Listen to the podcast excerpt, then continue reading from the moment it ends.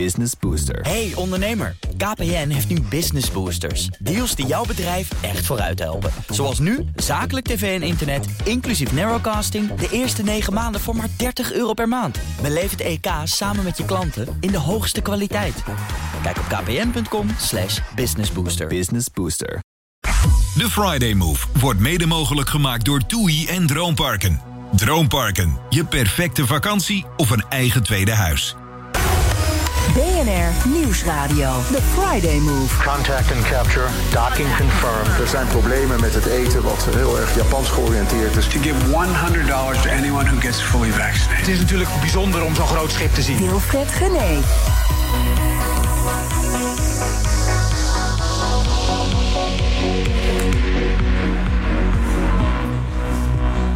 De Friday Move, vrijdag, uh, wat is het vandaag? 30 juli is het, hè? Het is ongelooflijk, maar waar. We zitten weer op de Zanding in Otterlo voor weer een nieuwe aflevering.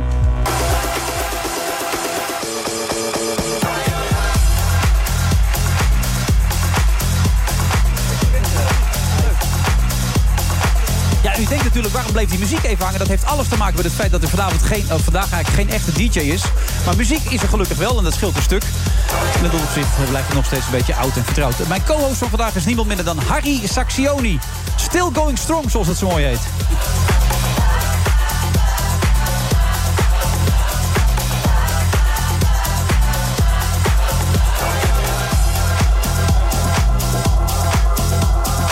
Hartelijk welkom.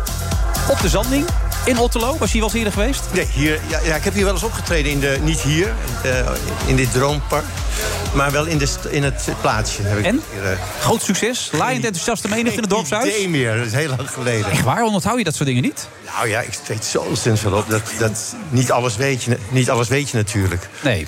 En uh, uh, ja, en... Was ja, ook een beetje flauw niet. bedoeld, hoor. Ja, ja, ja, ja. ja. en daarom ga ik er ook serieus op Ja, in. dat merk ik, ja. Maar goed, het is een mooie plaats, mooie omgeving. Je, je woont hier niet zo heel ver vandaan. Een half uurtje, drie kwartier? Drie kwartier rijden, Ja. ja, ja, klopt. Welke kant op? Noord, Zuid? Uh, ik woon in de Betuwe. Oh, Dus iets, Hans K. junior in de buurt. Ja, die heeft een tijd lang uh, vlak bij mij in de buurt gewoond, ja. Oké. Was je daar blij mee? Uh, uh, ja, jullie niet, maar ik wel.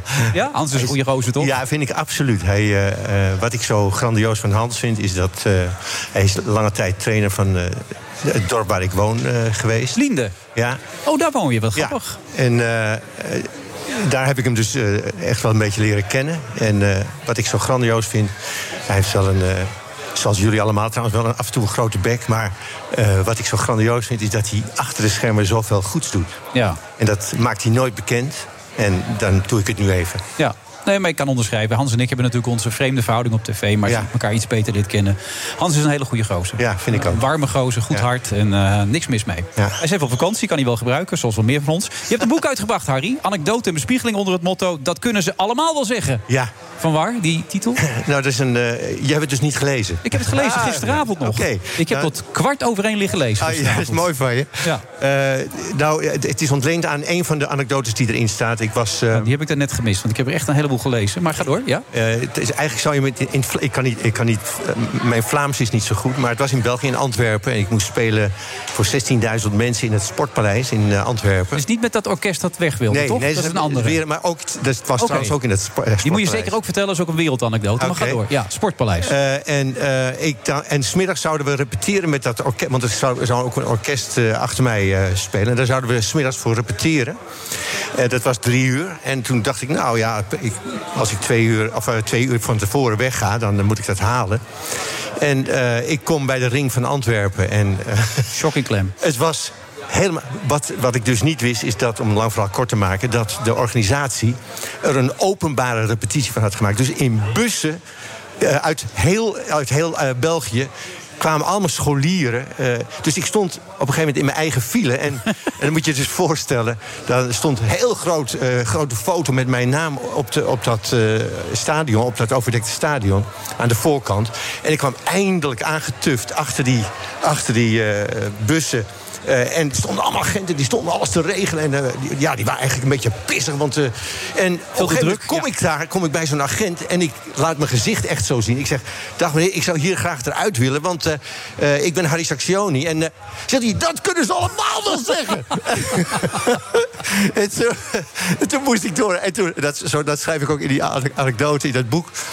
Toen, daarna bleef ik toch even in mijn auto zitten. Ik denk, ja, wie, wie in de wereld staat in zijn eigen Nee, file, dat, weet moet je dat moet je koesteren, zoiets. Ja, daarom. Dat is bijzonder. Ja, nou sowieso. Want dat andere geval wat ik dus wel heb gelezen met dat orkest. Ja. Dat is te bizar voor woorden, was dat. Ja. Kun je dat kort samenvatten, wat daar gebeurde? Dat was zo idioot. Het Nationaal Orkest van Vlaanderen, daar zou ik, eh, dat was trouwens mijn allereerste grote Ja. ding. In, eh, in, eh, en dat werd ook nog opgenomen door tele- televisie en alles. Althans, het werd opgenomen en later uitgezonden. Want als het direct uitgezonden was, dan had je.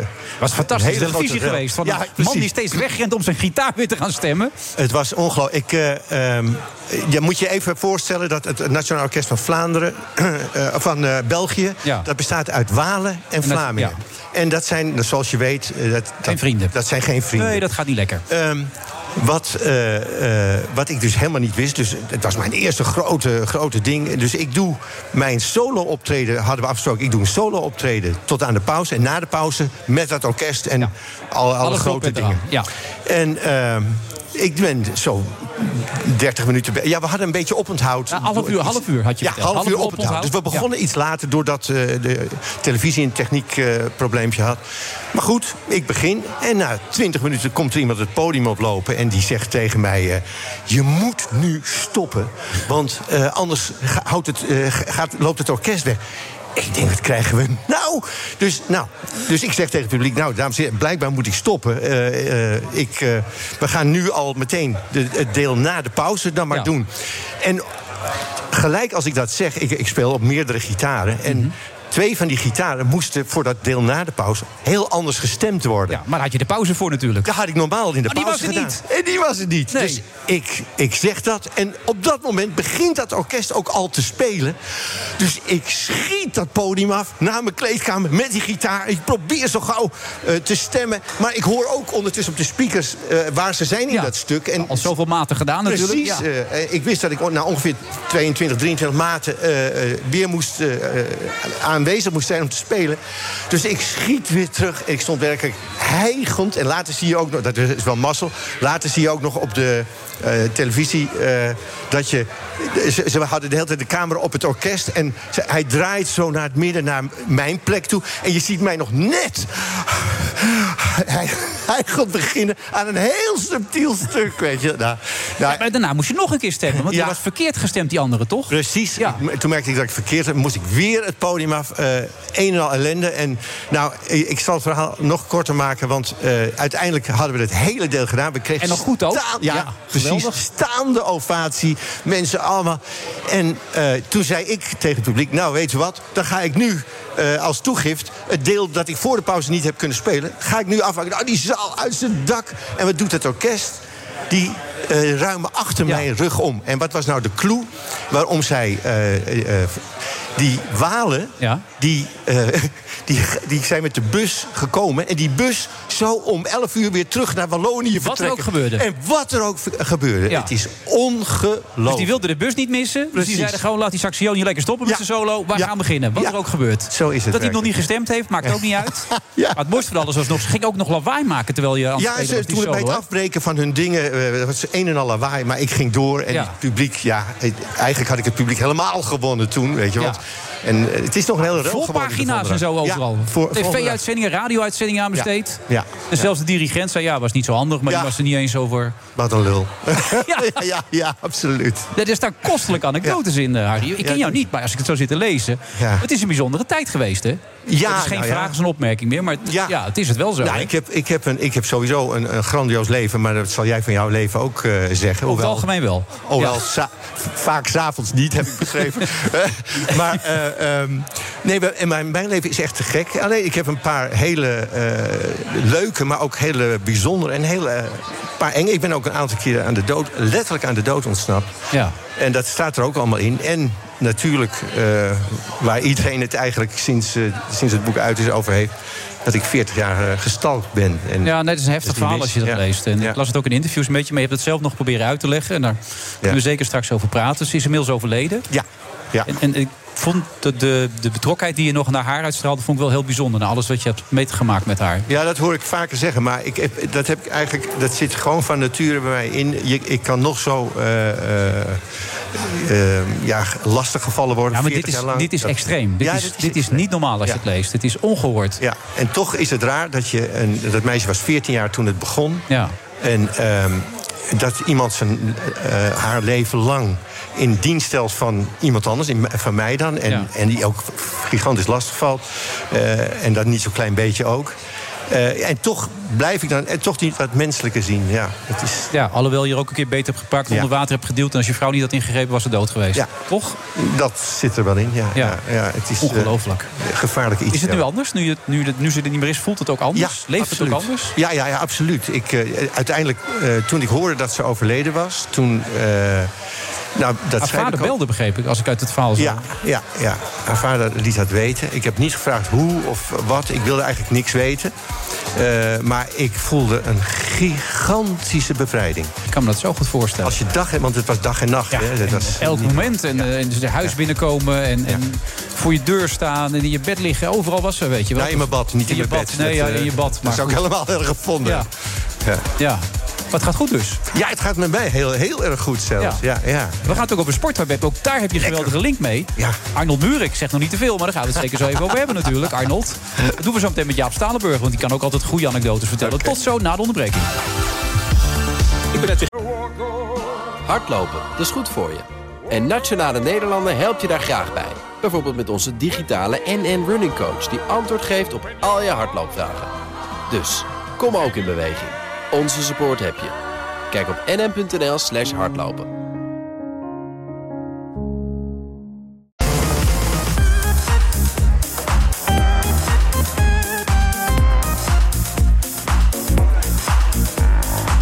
Vrijdag eh, 30 juli. We zitten in Droomparken, of eigenlijk inmiddels Europarks, de Zanding in eh, Otterlo. En er staat hier een tent die is neergezet door Helden, waar ook Jaap Staanburg werkzaam voor is. maar die laat wat gaatjes eh, vallen hier op dit moment, Jaap. Want eh wordt niet eh, helemaal... Eh, we, blijven niet, we blijven niet droog. Nee. Nee. Maar ja, goed, we gaan het gewoon doen. Even de Voor de rest gaat het goed met Helden, hoor. Ja, gaat het goed met het Helden? gaat goed met Helden. Waar blijkt dat uit dan? Nou, als ik zie hoe Frits hierbij loopt. Frits de Nestor van de Nederlandse sportjournalistiek. En met een energie en een dynamiek, dat is, dat is ongekend. Ja. En zonder cynisme ook. Maar dat heeft hij altijd toch? Dat heeft hij altijd. is toch geen nieuws dan? Is geen nieuw, maar wel in- onder deze, zelfs onder deze omstandigheden. Ja, het lijkt even, dat komt, hij komt uit mijn buurtje, hè? Ja, nou dan herken je allebei- toch, dan Ja, dat herken ik heel erg. Ja. Je kent het van toen nog? Ja, zeker. Wij Ja? kennen elkaar van Hoe was de kleine Frits dan? Ja, die, was de kleine Frits. die nog iets kleiner dan nu was. Net zo'n lul. maar- Ja, was hij niet aardig? Ja, ja. Nou, hij was, wat ik zo leuk vind, maar dat vind ik van nu ook eigenlijk hartstikke leuk. Hij is, hij is gewoon hartstikke fel. En eh, eh, hij is gedreven. bijtertje, een Gedre- bijtertje. Ja, ja, ja. ja. Ja. En dat, dat had hij toen al. En dat is altijd gebleven. En- Maar dat vind ik juist een pre. Maar je, je sport ook met hem of niet dan? Nee, dat niet. Nee, dat is... Is eh, Jij kon beter voetballen, Beyond, beyond my league. Hey, we konden niet een beetje voetballen eigenlijk. Nee, jij kon veel beter voetballen, Ja, hij, hij, hij is een leuke voetballer. Hij en ik was een echt een leuk, Nee, hij echt een leuke kokette- Hij voetballer. koketteerde toch echt met zijn voetbalkennis. Nou ja, maar ik bedoel, Harry speelde gewoon rechtsbuiten bij Ajax en al die Hij jeugdelftellen. was goed bij Ajax, inderdaad. En als, als je niet tegen Rinus Michels had gezegd dat hij eigenlijk allebei de sport had willen doen. En als Arnold Muren niet was geweest die me een verschrikkelijke panna gaf in de eerste seconde. Ja, dan ja. had hij gewoon in de eerste seconde inderdaad ja. Ja. Ja, van een wedstrijd. Maar dan Ja. heb je een mooie muzikale carrière gemist. Dat denk ik dan ook weer. Ja. Nou ja, Ja. de anekdote is prachtig opgeschreven. Misschien kan je hem zelf vertellen. Je was altijd Ja. rechtsbuiten. Dat ging hartstikke goed. In Ja. die wedstrijd mocht je rechtshalf spelen. Ja, En Michels had was de laatste wedstrijd van het seizoen. En daar werden de, zeg maar de... eh, Michels kwam ook kijken om eh, de contracten een beetje te kijken... Voor Ja. het- wat er aan jeugd... eh, en ik had al een paar keer in het tweede mogen meevoetballen als, als jeugdspeler. En, eh, Ja, is goed. En, en Michels had, eh, had al gezegd... die jongens die al een paar keer in het tweede... daar ga ik eh, extra op letten. In dat, in, het was een A1 Speelde eh, jij in de hetzelfde A1. tweede als Louietje van Gaal? Nee, nee, nee. Ik, ik speelde samen met Johnny Rep. Ik ben een stuk ouder dus. Ja. Oh nee, nee, hij, is ook, hij, is toch, hij is ouder. Ja, ja. Ja. En, eh, ja, en in die wedstrijd, eh, nou ja, daar ging het dus eigenlijk erom. En eh, hij had al eerder tegen mij gezegd, had al eerder tegen mij gezegd dat, dat ik moest. want ik dacht, ik kan het allebei. Muziek, want ze wisten dus van mijn muziekliefhebberij. en van, van mijn voetballen natuurlijk. En toen had hij tegen mij gezegd, nou, onmogelijk dat het samen kan. Je zal echt een keuze moeten maken. En... eh, nou, dat, daar schrok ik eigenlijk van. Want ik dacht, ja, dat, ik heb twee, twee dingen die ik te gek vind. Waarom zou ik die niet allebei kunnen doen, weet je? Maar toen ben ik erover nagedacht. Ja, ik denk, dat is wel zo. Het is echt allebei topsport. Oh, dat zei hij echt zo van, het is allebei topsport. en eh, je zal moeten kiezen. en, eh, nou, fijn. eh, dus die wedstrijd is... En Rinus Wiegel zat te kijken. En ik denk, nou, een beetje slungerige jongen had ik tegenover me. Dacht ik zo, eh, voor het eerst als half. Want normaal inderdaad rechtsbuiten. Ik denk, nou, die kan ik wel hebben. En zij trappen af. Het was tegen Volendam. En eh, zij trappen af. En ik ben er meteen, ik zit er meteen op. Kort. En ja, meteen, ja ik denk meteen kort houden. En hij doet een soort sleepbeweging en tikt de bal tussen mijn benen door. Dat is lekker. Een truc die ik zelf altijd al deed. En eh, werkelijk in het omdraaien om hem toch nog proberen te, in te halen, eh, dacht ik. Ik word gitarist. Dat was meteen duidelijk. Ja, ik en wie was die Volendammer?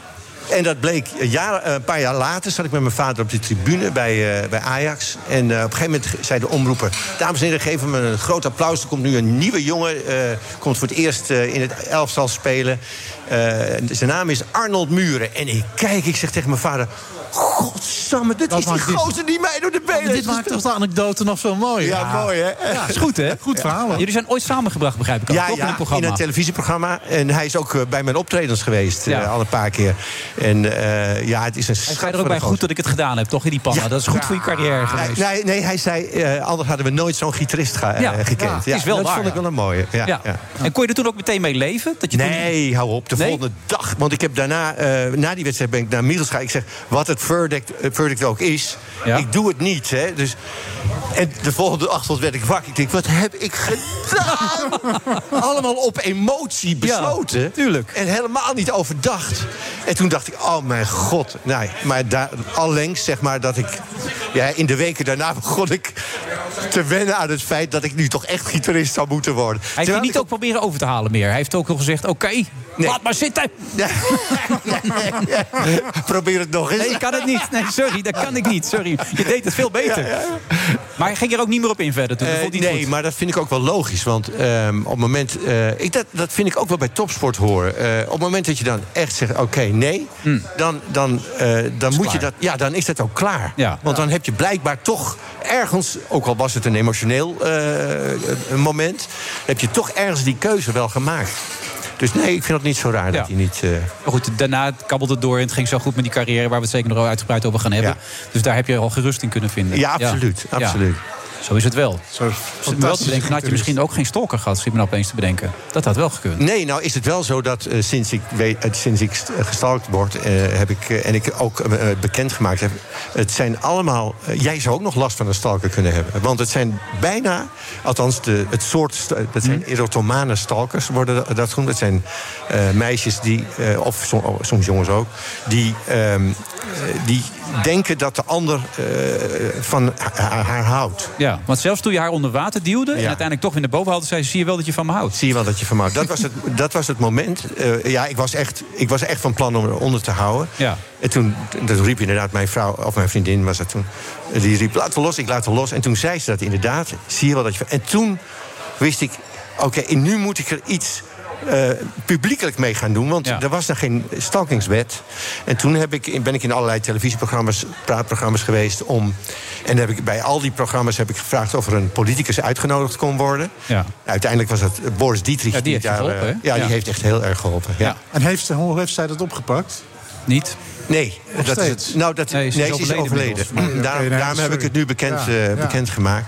Triest. Ehm, maar ehm, zij eh, trok zich geen donder aan van eh, de straf die, er, die erop eh, op zat. Dus dan, werd, dan zat ze misschien één of twee dagen in een, eh, ja, opgesloten. En daarna was ze toch weer gewoon bij mij. Ongelooflijk. Ja. Je kwam hier voor sport eigenlijk, hè? Ja, eigenlijk we, probeerden, we eigenlijk via Arnold Buren bij het voetbal van de dames te komen. Het bruggetje. En het grappige was in dat vorige programma waar eh, ook over gesproken werd... natuurlijk ging het over de mentale kwestie. In hoeverre was dit een mentale kwestie? Ja, nee, laten we voor- vooropstellen dat het, eh, Nederlands vrouwenteam fantastisch gespeeld heeft. Ja, Dus dat is hartstikke leuk dat je nee, zegt, ja, eh, maar- nee, maar als je dit Ja. vergelijkt met bijvoorbeeld de WK-finale tegen Amerika... Waren ze kansloos. Daar is kansloos en dat waren ze nu niet. Er zijn een aantal, een aantal momenten, zijn dingen cruciaal.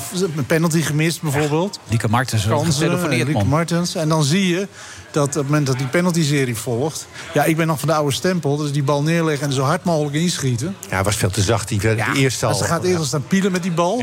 Nou, nou, dan zie je al bijna dat het misgaat. En dan komt er vervolgens komt er een heel lullig schot. Ja. Maar wat ik dan niet snap, er werd juist in, in de publiciteit constant gezegd... dat ze juist zo geoefend hebben op dat al die werd ook gezegd penalties. door de commentator nog steeds, Ja. Ja, maar, het is, eh, maar laten we gewoon wel even kijken. Dit is, als je naar dit team kijkt, het gaat om winnen. Uiteraard. Maar ik vond dat, eh, en dat, dat is denk ik wel de winst van deze Olympische Spelen... dat, eh, dat de vrouwen inmiddels een niveau hebben bereikt... dat ze echt... Ja, eh, dat met is hartstikke leuk, ja, zeg ik het nog een keer. Maar je koopt er geen fluit Nee, voor. ik ben het helemaal met je eens. Ik vind dat die Olympische gedachten, daar heb ik niks mee. Het is of winnen of niet. Nee, het gaat om winnen, absoluut. En dan zie je dat in een cruciale fase... die Amerikaanse speelsters mentaal sterker zijn. Zo simpel is het. En daar kunnen we een hele lange analyse aan besteden. Nou ja, wat wel grappig was, in de rust waren die Amerikaanse dames heel vroeg het veld opgegaan. Die stonden Ja, weer warm ik. te Ja, lopen ja, enzovoort. ja. Dus dat was intimidatie. Maar, maar vrij snel daarna scoorde Nederland. Toen dacht ik, nou, die hebben we te pakken, die gasten. nu dat- hebben we ze. Dat is nou precies wat ik bedoelde. Kijk, eh, daar was op zich wat het Nederlands team betreft niet zo eens heel veel op aan te merken. Het werd goed, goed gespeeld. Die Amerikaanse intimidaties die hadden ze door. Ik vind dat zo langzamerhand uh, Miedema in haar veldspel de Messi van het vrouwenvoetbal geworden is.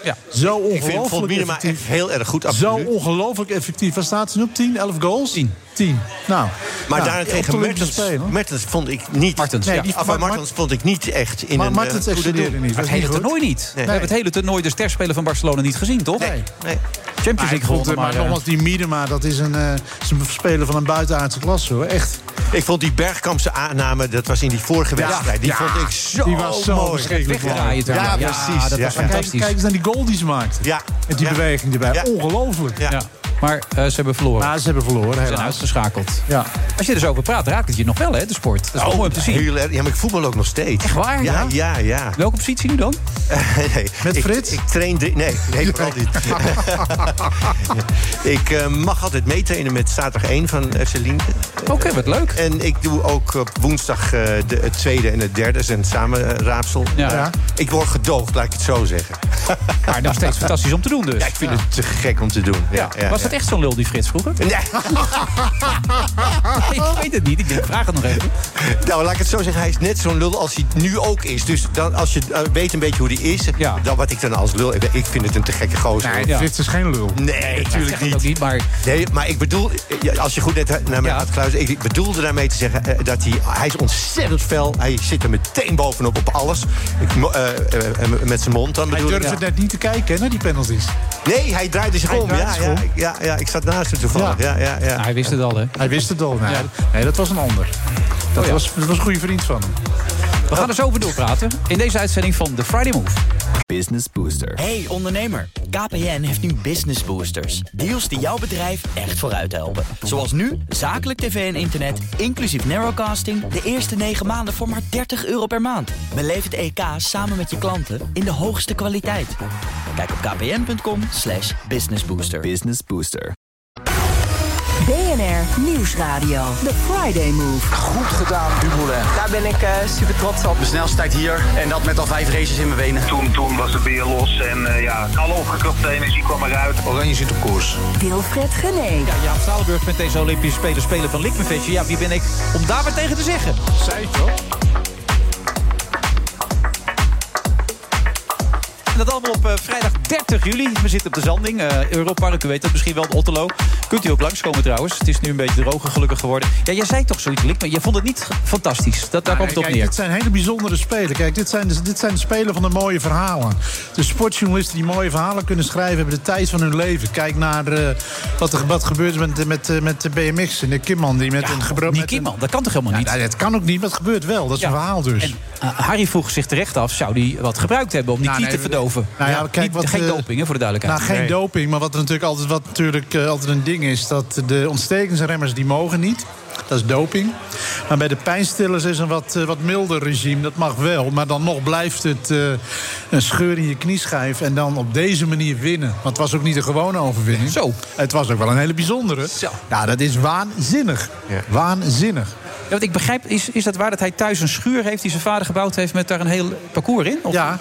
Ja, die jongens zijn compleet. Dat zijn, dat zijn al die jongens in die sport, die zijn compleet. En dat bedoel ik niet, eh, niet vervelend, maar zijn manisch bezig. Ja. Nou, nee, het- nee, dat is toch ook bij die roeiers. Die roeiers hetzelfde. Eh, die, die hebben hun al drie jaar lang zo'n beetje. Hun, Geen hun- seks gehad ook. Nou, dat, dat Ja. zou he- heel Ja. goed kunnen. Ja. En wat seks erbij, dat werkt niet. Maar eh, ik, vind het, ik vind het nogal wat.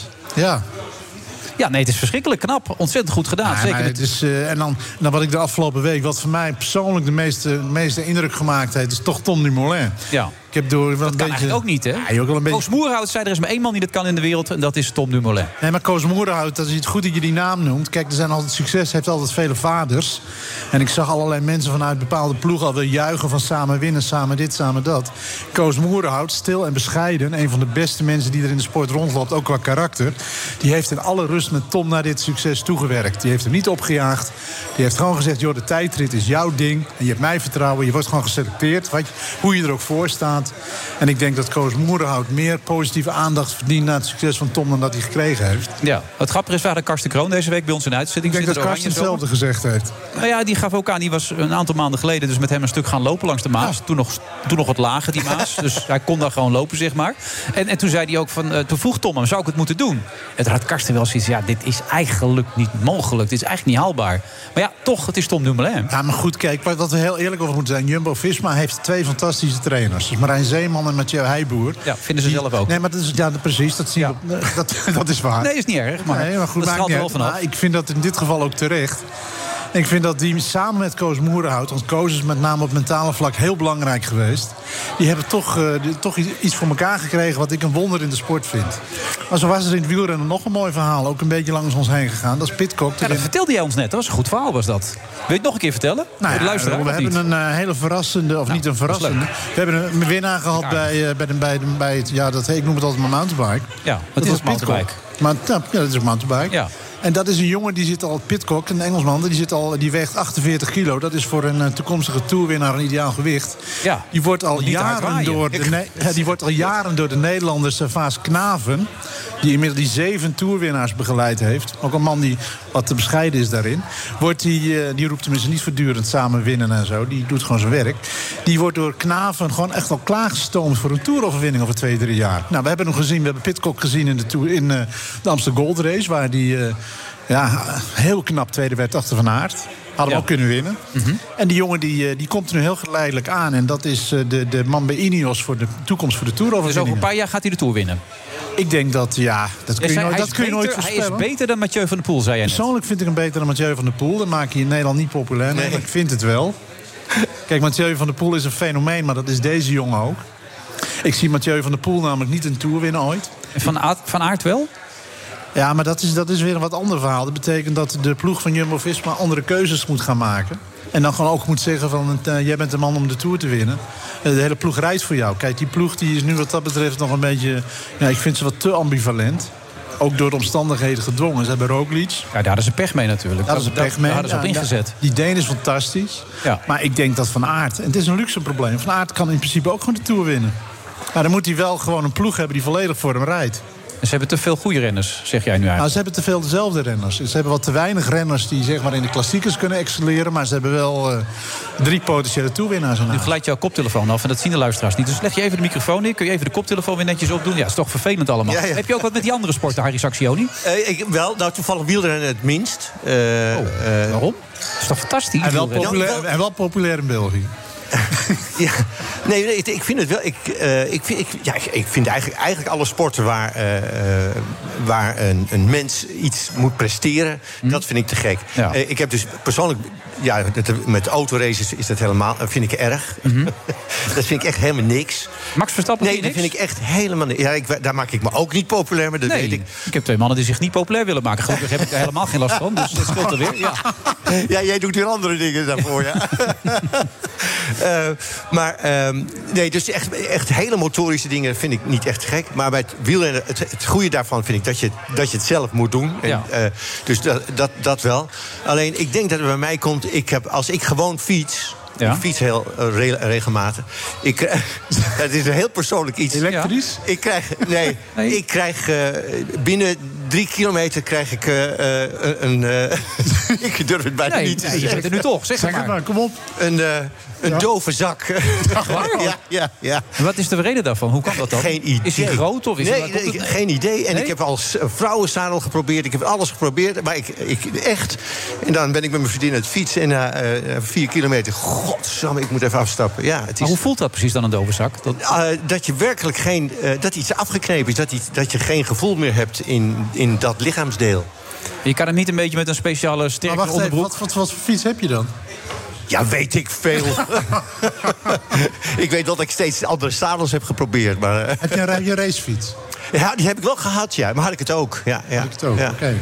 Ja, dus eh, mochten er luisteraars zijn die verstand hebben... hoe je van een dove zak af kan komen binnen drie kilometer... zouden die mogen wel reageren. Nou, nee, maar ik ge- jij krijgt van mij een telefoonnummer van Marijn Zeeman... van Ja. Jumbo-Visma, de coach. Ja. En die wil je wel even helpen. Ja? Zeker. Hey, je hebt je een beetje gestoord aan de media. Hè? Dat, dat, dat was eerst helemaal niks. Ja, daar heb je, je hebt van die tv-programma's ook. Joh, die roepen dan wat een prutser. Die, die, die chef de mission en die, die Ma- Maurits Hendricks kan er niks van. En de dag daarna pakken ze acht medailles. dat jij het is- storend, hè? Ja, nee, wat mij stoort is dat is de sportjournalistiek, maar ook alles wat eromheen loopt.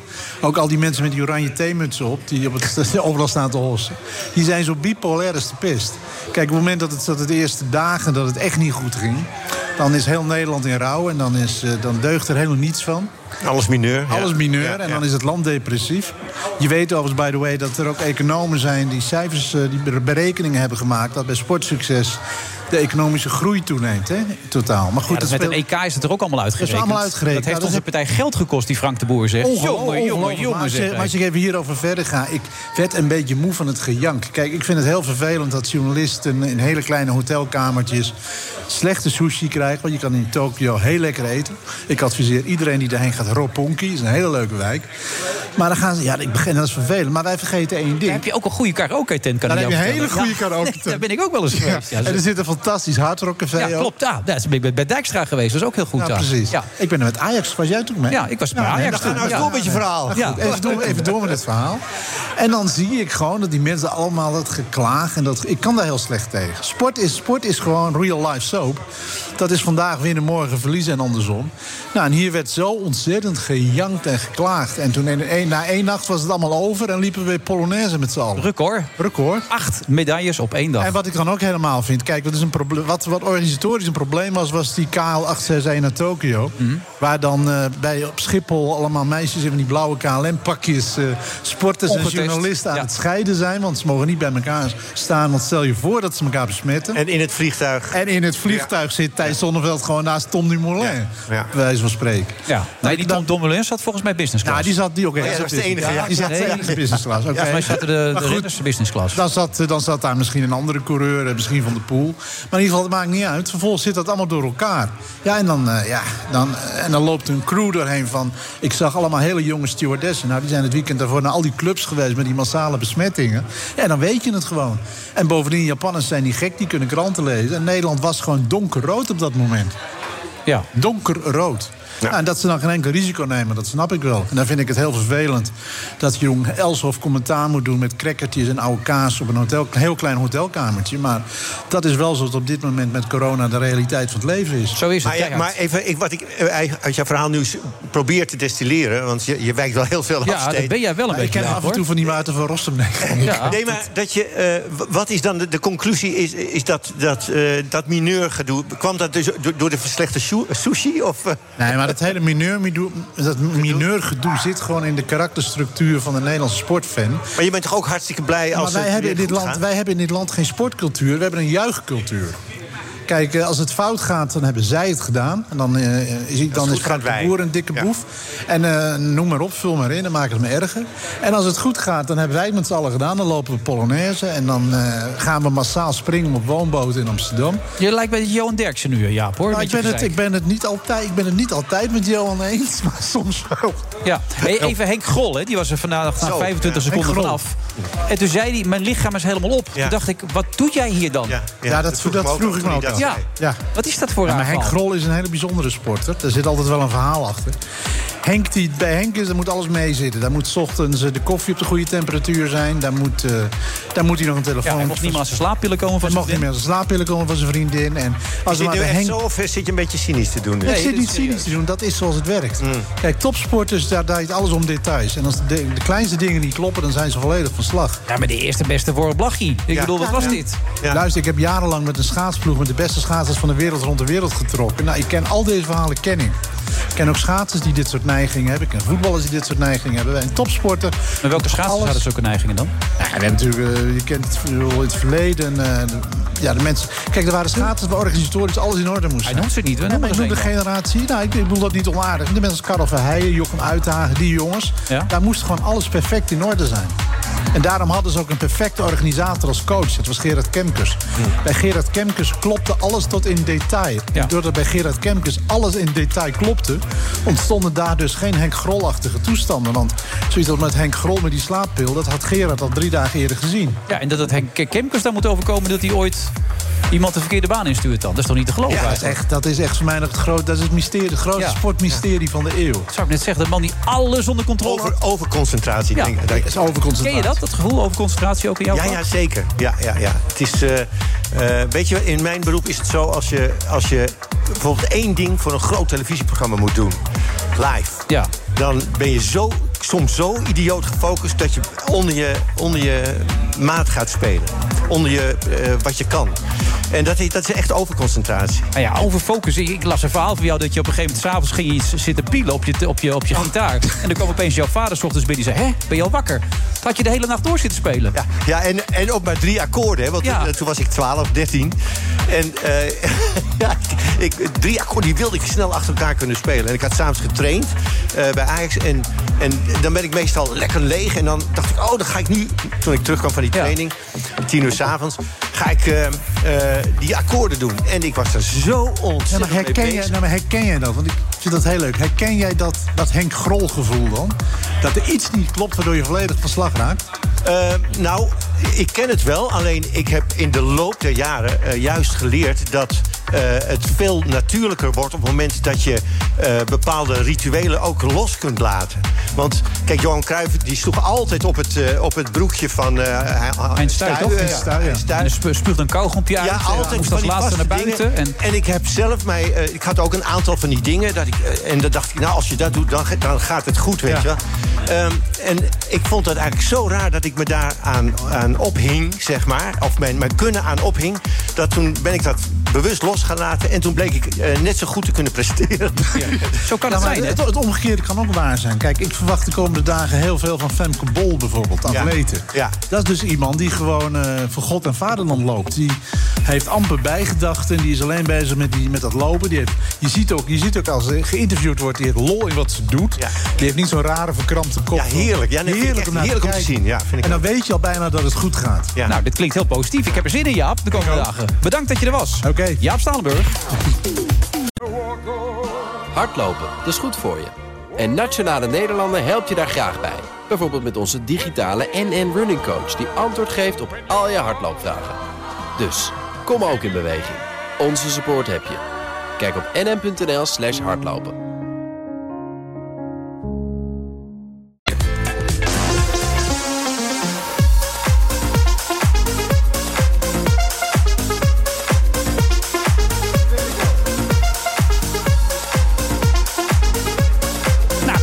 Niet slechter door geworden, jongens. Thomas Robson is even op vakantie.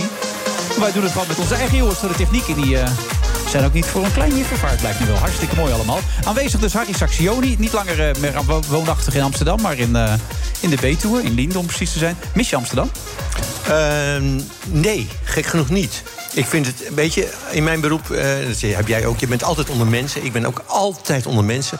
En in de Betuwe woon ik juist, zeg maar, lekker rustig. Ja. En ehm, dat verschil, dat vind ik te gek. Ik vind het heel lekker om in de, eh, vanuit de rust in de drukte te komen... maar dat ik er ook weer naar terug kan. Ja, heerlijk. Worden oud, hè? Ja, nou, heb ik altijd gehad. Tot- tot- hoe lang heb je in 19e. Amsterdam gewoond? Tot welke leeftijd? Tot mijn negentiende. Oké. En toen heb ik al Dan voelde je dat al zo. Liende gekocht, ja. ja. Zo, hé. Dat is best wel vroeg. Ja, Ja. ja. het is wel leuk. Eh, Het staat, ik geloof dat het ook in, de, in mijn anekdoteboek staat. Dat mijn vader die zei tegen mij toen ik 19 werd... Moet je horen, ik weet zeker dat jij nooit gaat trouwen. Hmm. En daar heeft hij toch gelijk in gehad ook. Hij zei, ik heb wat voor je gespaard en dat mag je hebben. Nou, en op dat, op dat moment verdiende ik al, zelf al... eh, Hij wilde toch echt dat hij die sigarenwinkel in zou gaan? ja, dat, was al... toch zitten? Ja, hou vooral. op. Ja. Dat was al eh, een paar jaar daarvoor. Toen Ja. ik, heb ik ook een jaar gedaan, hou op. Ja, sigarenwinkels, leuk man. Oh, hou op, ik haat er ook. ik haat er ook. Zegt Martin Hajo iets? Martin Eh, Hoogland. Martin, ja, ja, de, eh, is dat die ehm, vroeger agent was? En, eh, ja, ja, ja, ja, ja, ja. ja. Want daar heeft hij dus een boek over geschreven. En hij is Fico Olling. Fico, Olling. Eh, Fico ik, ik wilde niet zeggen over de panorama dat je daar ooit werkzaam was, maar dat wil niet. Ja. Dus dat is het Ja, eigenlijk. daar ben je blij, blij, blij mee ook. Ja, hoor, prima. prima. Klaar. Ja, ja, Ja? ja, ja, ja, zeker. Verder niet over doorpraten. Tactisch. Nee, lijkt me niet verstandig. Nee. Wat leuk dit. Bijzonder. Martin Haas, zo heet het boek dus. Ehm, van politieman tot moordenaar van Klaas Bruinsma. Daar is hij uiteindelijk eh, ook heel bekend door geworden. Daar is hij uiteindelijk zelf ook omgelegd in Horen. Ja. Ehm, maar wat misschien nog wel meer bijzonder aan jouw boek is... is dat er ook nog een aanbeveling op staat van Peter R. de Vries op de achterflap. Oh ja, op de achterkant, ja, klopt ja. Ja. ja. hij vond het een absolute aanrader en stelt geen seconde teleur. Nou, dat is toch wel eh, mooi van Peter om, om te horen. Ja, maar het zal een van zijn laatste boeken zijn geweest. Waarschijnlijk die die gelezen heeft dan, denk ik toch, of niet? Eh, dat denk ik wel, ja. ja hij, was een goed, hij was een snelle lezer, maar ehm, eh, volgens mij is deze recensie, of die tweet van hem... Ja, die, op het moment dat die uitkwam, dus 8 juni was dat.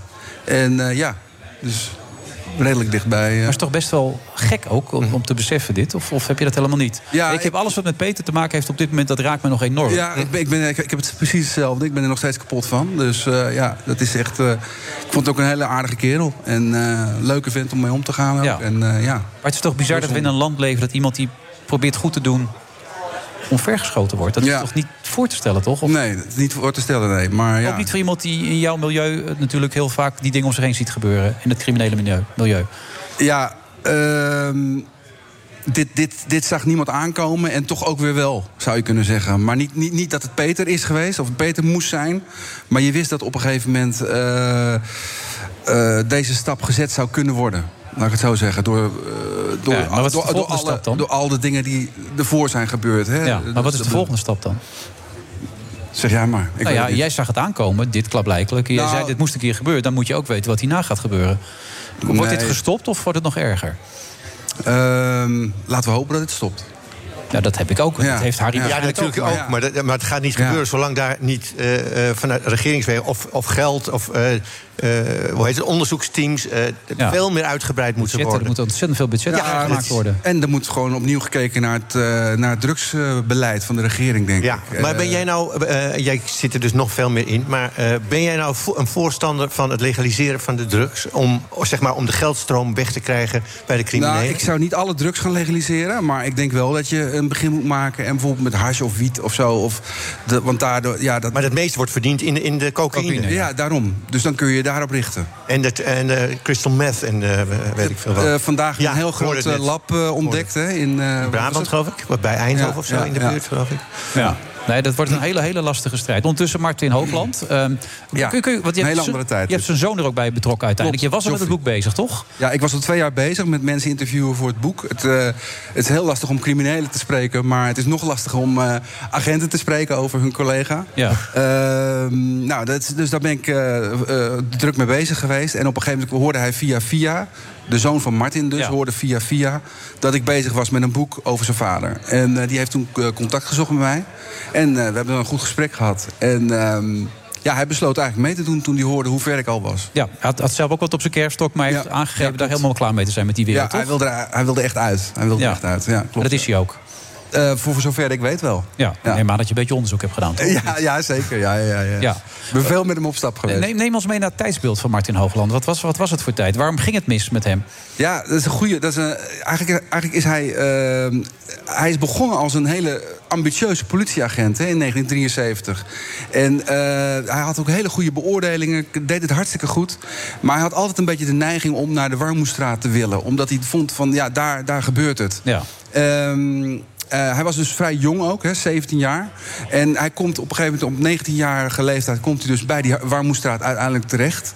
Ehm, en komt daar in contact met allerlei ja, dat, dan praat je over halverwege jaren 70, weet je wel. Dus de, Warmoestraat, eh, corrupte agenten, Chinezen, gokhuizen, eh, Surinamers die dealen op straat. Het is echt één grote bende. Ja. Ehm, en hij is daar in contact gekomen met corrupte agenten... die hem weer introduceren in de wereld van de misdaad. En dan van de penose-achtige misdaad, zeg maar.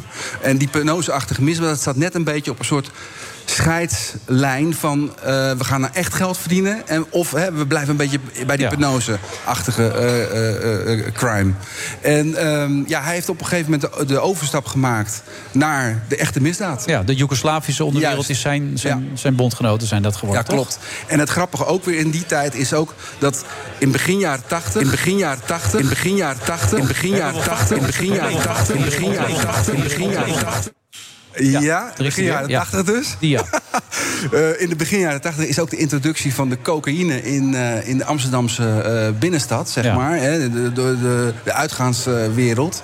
En eh, ja, daar heeft, dat, eh, dat heeft dan ook een rol gespeeld in zijn, in zijn ontsporing. Maar denk jij nou dat hij toen hij 17 was en agent wilde worden... dat hij er eigenlijk toen al eh, vatbaar voor was om eh, zeg maar die kant eh, te ruiken? Nou, er gebeurde iets rond zijn negentiende, toen hij bij de Warmoestraat was. Dus het voert een beetje te ver om dat nu allemaal uit te leggen, maar dan moet je het boek lezen.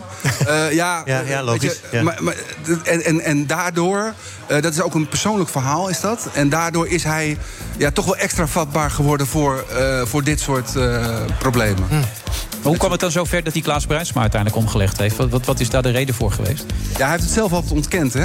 Dat hij dat heeft gedaan. Dus, eh, ja, dus dat is ook wel belangrijk om dat te weten. Want eh, hij heeft zelfs nooit, nooit toegegeven dat hij het heeft gedaan. Dat, maar dat het een ander is geweest, die er is voorgesprongen. Dus wat het motief is, dat kun je niet, dat kun je niet zeggen. Het is wel zo, het is wel frappant dat eh, eh, ongeveer negen maanden eerder... voordat Bruinsma werd doodgeschoten, is een vriend van hem doodgeschoten. Dat was Duja. Dat was een van die Joegoslaven. Ja. Dus ehm, ja, dat, mensen zien dat dan heel snel als een wraakactie. Een soort link, ja, Ja, ja, zou ja, kunnen. ja. Maar ik zie, het eerder als, sorry, ik zie het eerder als een soort van ja, uit de hand gelopen dron- dronkenmansruzie. Oké. Oké. Ja? Maar dus niet van hoger, hogerhand nog een keer eh, iemand die daarachter zou kunnen Ik geloof daar niet zo heel erg in. Nee, nee, nee. Wat is het beeld dat je bijblijft als je het boek gelezen hebt? Wat, wat, wat, wat, wat, kun je iets van sympathie voor hem voelen of helemaal niet? Eh, nou, ik, ik, ik, mijn, mijn, mijn doel was wel om te proberen om hem een wat menselijker gezicht te geven. Er was eigenlijk niet zoveel bekend over Martin. Nee. Over Klaas Bruinsma is van alles bekend. Films, boeken. Maar Martin, de dader zelf dus, zeg maar. Die, De vermoedelijke dader, ja. Ja, precies. Ja. Heel goed.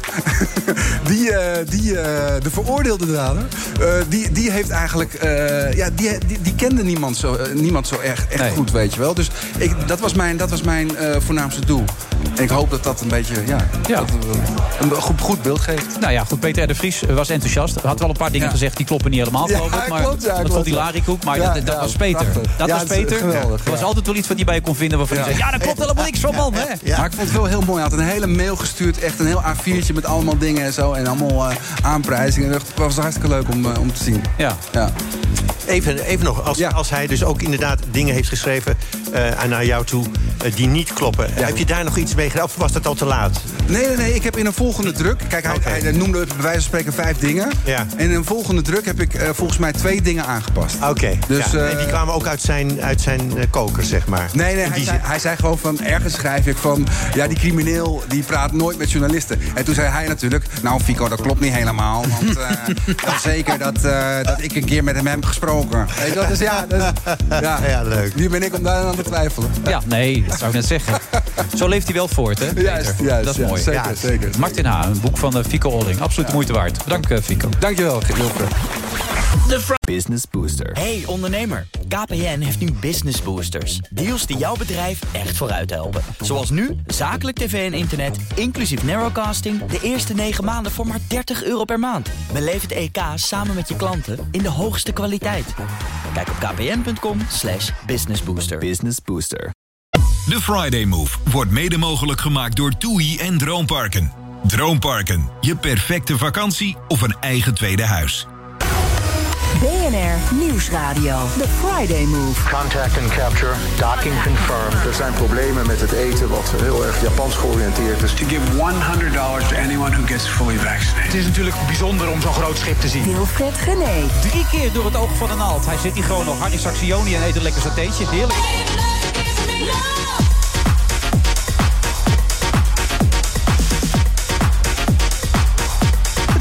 Hè? Hey, we kennen elkaar niet, maar uh, dat loopt dus een tierenlier. Ja, heerlijk. Komt ook door dat boek natuurlijk, die anekdoten en bespiegelingen. Leuk dat je ze ook al opgeschreven hebt. Nou, je hebt ze zelf ook al een beetje er zo opgeschreven, hè? Van geluksvogel, dat, uh, dat kun je wel geruststellen. Je, je gaat eerst logeren, zeg maar, logeren.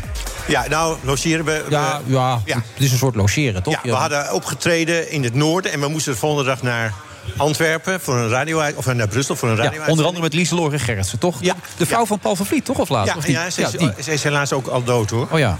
Um, maar uh, met z'n drieën, uh, dus we hadden een programma met z'n drieën. En we reden terug en toen uh, zei, dat was het huis van Laurens van Rooyen, dus die pianist. En die zei, nou, ik woon precies op de helft. we moesten heel vroeg al in Brussel zijn. Dan slapen we bij mij. En dan rijden we de volgende dag, uh, uh, ochtend vroeg, door naar, uh, naar Brussel. Nou, is oké. Okay. En, en, we komen daar in, ehm, in zijn huis. En zijn huis, even om uit te leggen... Zijn, hij woont ook zeg maar, echt buiten een, een dorp. Mhm. Mm -hmm. Maar precies een, een, een uh, provinciale weg. Je maakt precies een haakse bocht. Uh, bij zijn huis daar. Precies voor zijn huis. Ja.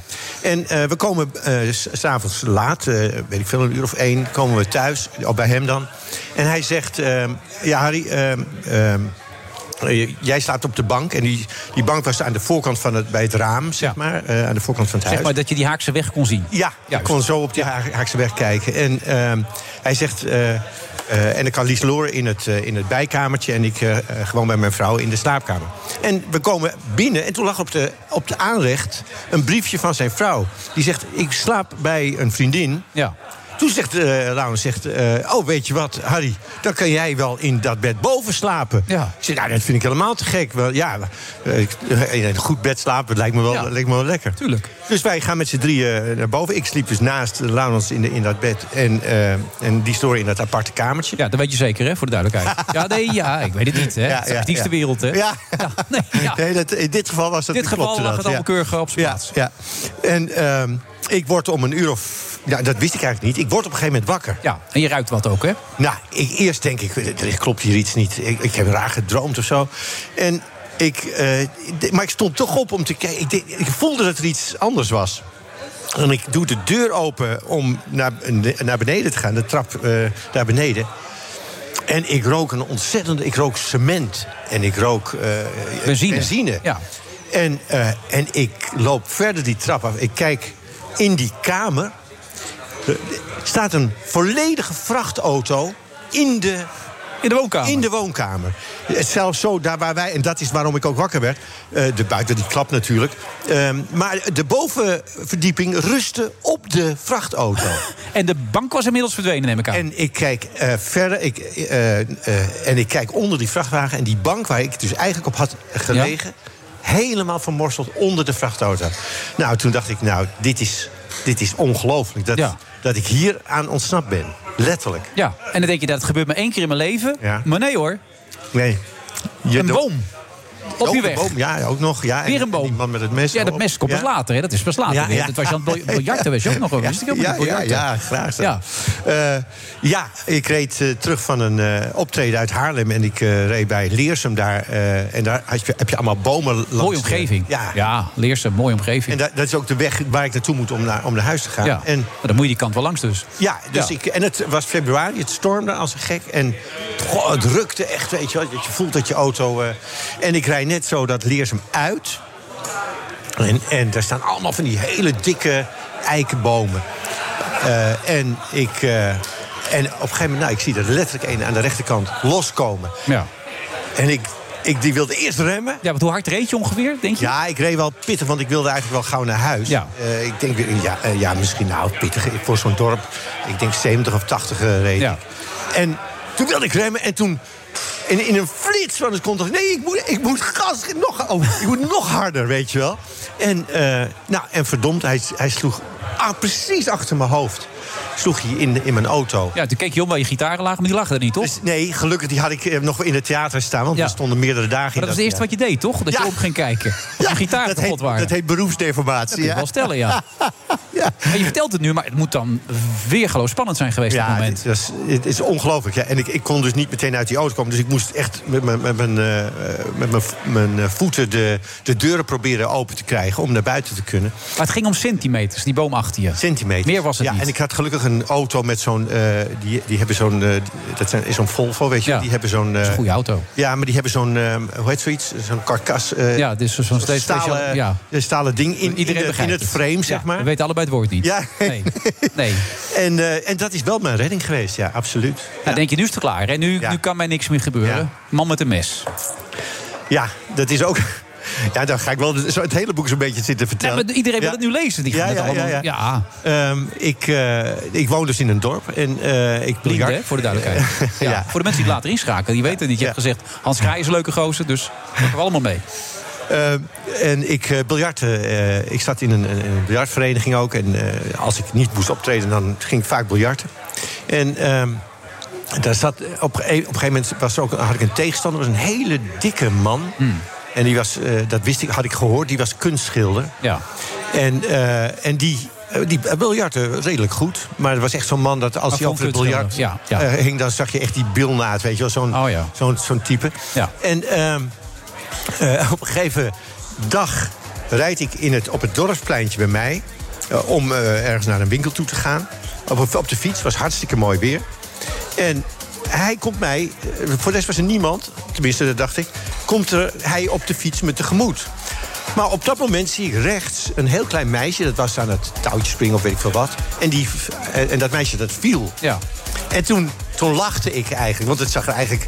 eh, ja, het zag, ze, ze, ze bezeerden zich niet, maar Nee. het zag er een beetje kolderik uit. Dus ik lachte. Nou, ik kon niet weten dat de volgende dag dit... eh, dit- wat ik nu net schets... Hm? Dat dat bijna mijn dood eh, was geweest. Want de volgende dag moet ik weer toevallig over dat... Het was weer zo mooi weer. Over dat eh, marktpleintje. En ik fiets.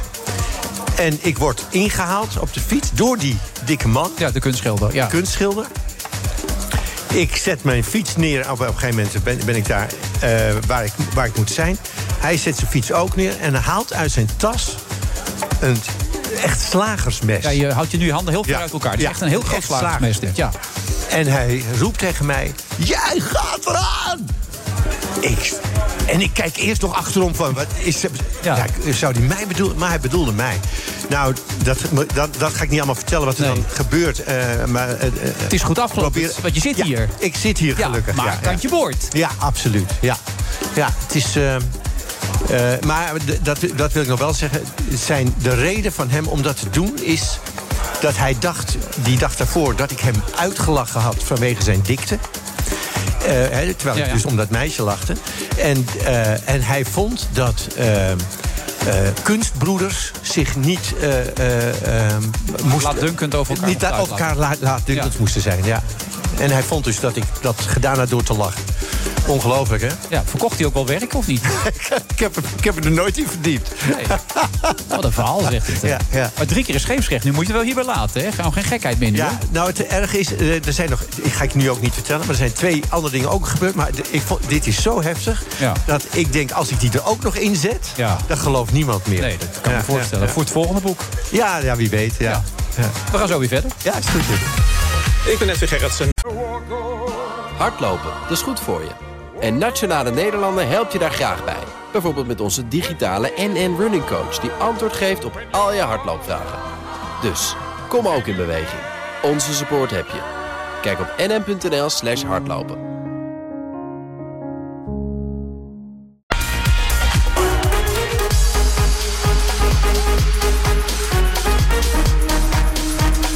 Dat kunnen ze allemaal wel zeggen, Harry. Hè? Het is wel leuk, wel een leuk boek geworden, hoor. Maar het is toch anekdotes, of niet? En bespiegelingen? Ja, dat zijn, daar, daar moet je maar eens opzoeken. Het, het kan eigenlijk allebei. Oh, anekdoten en anekdotes. Ja, ja. Het ziet er wel gelijk eh, slimmer uit, intellectueler, hè? Ja, anekdoten. Daar heb ik toch, daarom Ja. heb ik ervoor gekozen. Oh, oké. nou, hartstikke mooi. Pet Smit, hartelijk welkom. Goedemiddag. En dat zeg ik ook tegen Thomas van Groningen, TVG. Ik denk dat wie is dat? Maar het is Thomas van Groningen. Waar, waar is dat goed voor, Thomas? Dat jij niet meer voluit in die dingen Ja, ze gaan er denk ik hier bij de redactie van BNR vanuit dat jij weet wie TVG is. TVG? We elkaar zo goed kennen ondertussen. Dat, Ja. eh, Ehm, maar wat, wat weet je hiervan? We gaan het nu over de nachtburgemeesters hebben en zo. Hè? En, Nou ja, het nachtcircuit. Ook even, ik denk de aanleiding dat ik even aanschuif is dat vandaag ook het OMT bij elkaar komt. Ja. Om te praten over wat is nou het perspectief voor de festivals. Hè? Mogen die straks weer doorgaan? De Mhm. Maandag horen het festivals. pas, of niet? Ja, maar vandaag wordt dat besproken. En ik heb een beetje rondgebeld. En wat betekent dat dan bijvoorbeeld ook voor de clubs? Ja, en de clubs. De, de clubs Ja, en de kroegen. waar jij graag naartoe wil, hè? Karaokecafés. Ja, ik wil er graag naartoe, ja. Ja. En wat denk je? Nou, eh, kijk, eh, wat het OMT besluit of, eh, om te adviseren... dat wordt niet altijd één op één overgenomen. Maar waar het vermoedelijk, als ik het achter de scherm een beetje goed peil op uitdraait... is dat de festivals, de eendaagse festivals... met beperkingen door kunnen gaan vanaf half augustus. Ehm, en dat zijn wel echt flinke beperkingen. Denk bijvoorbeeld aan dat het echt alleen open lucht mag zijn. Dus zoals wij er nu bij zitten in een soort van festivaltent... Ja. dat zou dan al niet eens mogen. Eh, maar echt een openluchtfeest met een beperkt aantal mensen... dat zou dan eventueel kunnen. Maar het nachtleven, de clubs, dat ze daar nog wel wat terughoudend mee zijn. Dat het nog Nou, even gaat duren. Naast jou zit de nachtburgemeester van Den Haag, Pet Smit. En dat vindt hij niet fijn. Daar wordt hij niet vrolijk van. Eh, nee, nee ja, natuurlijk. Ja, je bent al anderhalf jaar dicht. Dus op een gegeven moment wordt de situatie natuurlijk wel een beetje schrijnend. Maar het gaat, Ja. gaat ons daar ook niet om. Eh, we hebben net een manifest eh, losgelaten, Red de Nacht. dat we met stijl op sprong open gaan, maar eerder gewoon goed open gaan. We hebben Ja. nu net gezien dat we twee weken open zijn geweest en alles. Ja, eh, toen weer gesloten kon worden, dat er gewoon aan eh, beide kanten fouten zijn gemaakt. Dat willen we als nachtleven ook echt wel eh, handen in eigen boezem steken. Maar dat verwachten we ook van de overheid. Mhm. En ja, daarom vragen we eigenlijk om een beetje samen te werken. Maar je wil goed open. En goed is een heel relatief begrip. begrip. Heel subjectief ook vaak. Wat, wat Nou is ja. goed dan? Nou ja, ik denk dat je gewoon goed alle risico's moet afwegen en naast elkaar moet leggen. Maar dat zullen ze toch En- gedaan hebben in de eerste situatie, toch? Nou, dat vraag ik me af. Want er zijn natuurlijk een hoop. eh, eh, als, je, als je kijkt naar, eh, naar de adviezen die zijn gegeven. Field Lab eh, is, eh, is genegeerd. Het eh, onderzoek wat ze hebben gedaan naar Shelter, naar, eh, naar, naar de club, die hebben ze niet afgewacht. Eh, daar hebben ze gewoon eh, gezegd: nou, dat doen we niet. OMT en RVM zijn er ook niet in bij betrokken. Dus eh, de, eh, eigenlijk, na de, ze zeiden 26e, we gaan open. Drie dagen later stond het open. Ja, dan kan je, dan kan je er eigenlijk een beetje van uitgaan dat het fout gaat, natuurlijk. En dan eh, zijn er ook nog ondernemers die, eh, die een beetje een loopje hebben genomen met het systeem. Nou, dat is ook fout gegaan. Dus ik denk Hoe dat. hebben jullie dit gedaan dan? Nou, er zijn mensen die hebben de, die hebben de QR-codes genegeerd. Ja, niet, eh, niet nauw genomen. Nee, Ja, precies. ja. En ik denk dat, dat als je samen, samen wil... Kijk, we zitten allemaal met hetzelfde probleem. Hè? De overheid zit met het probleem eh, van, een, van een pandemie. En wij zitten ook met, met een pandemie. Eh, dus we hebben hetzelfde probleem. Dus kunnen we, kunnen we het beste koppen bij elkaar steken... om ervoor te zorgen dat we uiteindelijk ergens komen. Ja, jij zegt sommige ondernemers, maar ik heb destijds dat het tweede weekend dat het kon, heb ik de proef te som genomen. Ben ik naar het centrum van Eindhoven gegaan. was een hele leuke avond. Eh, Ja. toen heb ik gekeken hoe, hoeveel kroegen kom ik nou eigenlijk binnen zonder mijn QR-code te laten zien. Van de zeven cafés die ik heb geprobeerd, kwam ik zeven keer binnen. Ja, maar dat komt ook, je bent bekend aan het worden. Je komt Maar waren, tv. het nacht- waren dat nachtcafés of waren Eh, dat... waren de- nachtdanscafés. da- Danscafés. Ja, ja. Oké, ja. Ja, dat is eh, spijtig dat het eh, in Eindhoven gebeurt. Ik weet dat in Den Haag het ook is gebeurd. Niet zo eh, veelvuldig als zij dat noemt. Ik denk dat het hele land is gebeurd.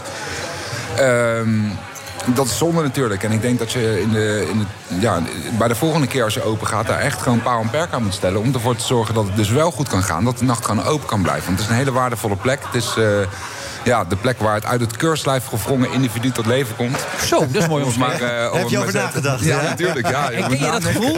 Het uit het keurslijf? Ja, ken je Wel dat? mooi. Ja, ik en het is, zeker. is de plek waar je, waar je, waar je inspiratie krijgt, eh, creatieve plannen bedenkt, eh, onder eh, genot van een biertje en de volgende dag met een bakje koffie er een klap op geeft. Dus het, zijn, eh, het, is, het is een hele, waarde, dus, eh, de- hele waardevolle plek, sociaal-maatschappelijk gezien ook. Maar de Dutch Nighttime Alliance, hebben jullie die opgericht? Eh, aliens. Aliens, ja? Nee, Alliance is het. Oh, oké. Dat is aliens ik ook wel ja, leuk geweest. Ja, ja, precies. Nou, ja. Maar wat, wat stelt dat precies voor? Wat moet ik bij je De voorstellen? Dutch Nighttime Alliance is een, eh, eigenlijk een samenwerking tussen eh, nachtburgemeesters van negen grote steden. Eh zijn het Den Haag, Amsterdam, eh, als Nou ja, het is. Nijmegen, Eindhoven, nou, een, een negen dus. Ja. Eh, en eh, wij hebben de koppen bij elkaar gestoken. En ook eh, zitten wij samen verenigd in een andere groep. Die heet de Global Nighttime Alliance. Waar veel internationale expertise is. En ik denk dat we die, dat we die kennis die we hebben ja, heel goed kunnen delen. noem eens dingen die wij in het internationale hebben opgedaan... waar je wat aan kan hebben in Nou, we hebben bijvoorbeeld net de onderzoeksresultaten van Exit Festival opgevraagd. Exit Festival Ja, was Servië, in toch, Servië, ja. Ja. Dat is, En iedereen dacht dat wordt een corona-uitbraak van hebben bij jou ja, daar. nou, dat is, dat is dus niet gebeurd. Dus we hebben Dusan gevraagd om die eh, onderzoeksresultaten aan ons openbaar te maken. Daar heeft hij mee ingestemd. Ja, dus mag krijgen we, ja, ja, wij, mogen Ja. Inderdaad. Ja, dus eh, eh, Dat bijvoorbeeld. We hebben nu in Engeland, eh, zie je dat, eh, dat eh, ondanks de gevreesd werd van een hele grote uitbraak... toch de cijfers blijven dalen. Dus het kan wel. En ik denk dat, dat we daar gewoon onze ogen op moeten richten. En ook een beetje naar voren moeten kijken. Want als je achteruit blijft kijken, dan heb je ook geen, ja, geen perspectief meer. Ja, goed, we hebben elke avond die discussie bij ons in het programma. ehm, dat de, de ziekenhuisopnames en de bedden van de IC's eigenlijk nog relatief laag blijven. En dat het misschien niet eens zoveel kwaad kan om die jongeren onder elkaar maar gewoon te laten besmetten. Dan kun je een beetje groepsimmuniteit opbouwen enzovoort. En ze hebben er over het algemeen niet zoveel last van, toch? Blijkt nou ja, ik ga niet op de stoel van de wetenschap zitten. Ik ben geen wetenschapper. Ik ben eh, heel deskundig in het nachtleven en niet, eh Maar wat niet maakt je in de deskundig in het nachtleven? Hoe werkt dat precies dan? Ja, nou dat is dus... eh, Je bent een dat- echte dat- stapper. Nee, nee, ja, dat zou je zeggen. Nou ja, weet je wat het is? Kijk, eh, dat is ook misschien een beetje het, eh, eh, het sentiment wat, eh, wat er leeft. De nachtburgemeester, die- iedereen kent de term nachtburgemeester van Gilles Deelder. Gilles Deelder, ja. Maar eh, inmiddels eh, zijn we dat al eh, een, eh, nou, eh, twintig jaar ongeveer aan het professionaliseren. Van, eh, met als voorloper Berlijn. Amsterdam heeft daarin gevolgd. En nu nou zijn we dat aan het verspreiden over Nederland. En dat houdt eigenlijk in dat we ook eh, een brug proberen te slaan naar de beleidsmakers. Gemeentelijk, maar ook landelijk. Ja. En dat is dus een, eh, ja, eigenlijk een dagbaan. Die, eh, daarom zeggen wij ook... eh, Maar is dat op zoveel vlakken dan nodig? Is het zo nodig op zoveel vlakken dan?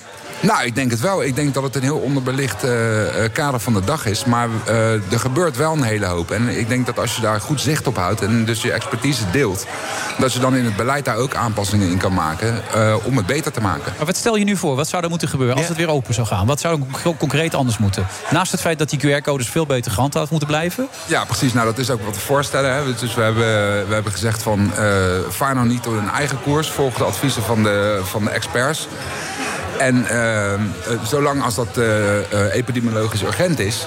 eh, blijf eh, die maatregelen aanhouden. Maar alleen als het noodzakelijk is. Maar het klinkt heel simpel wat je zegt, maar dat gebeurt dus niet. Dat is het grootste probleem eigenlijk. Nee, dus daar Thomas is die dus- overal maar naar binnen loopt in, in, in, in Eindhoven, dat is gewoon het, het probleem. En nou is mijn schuld.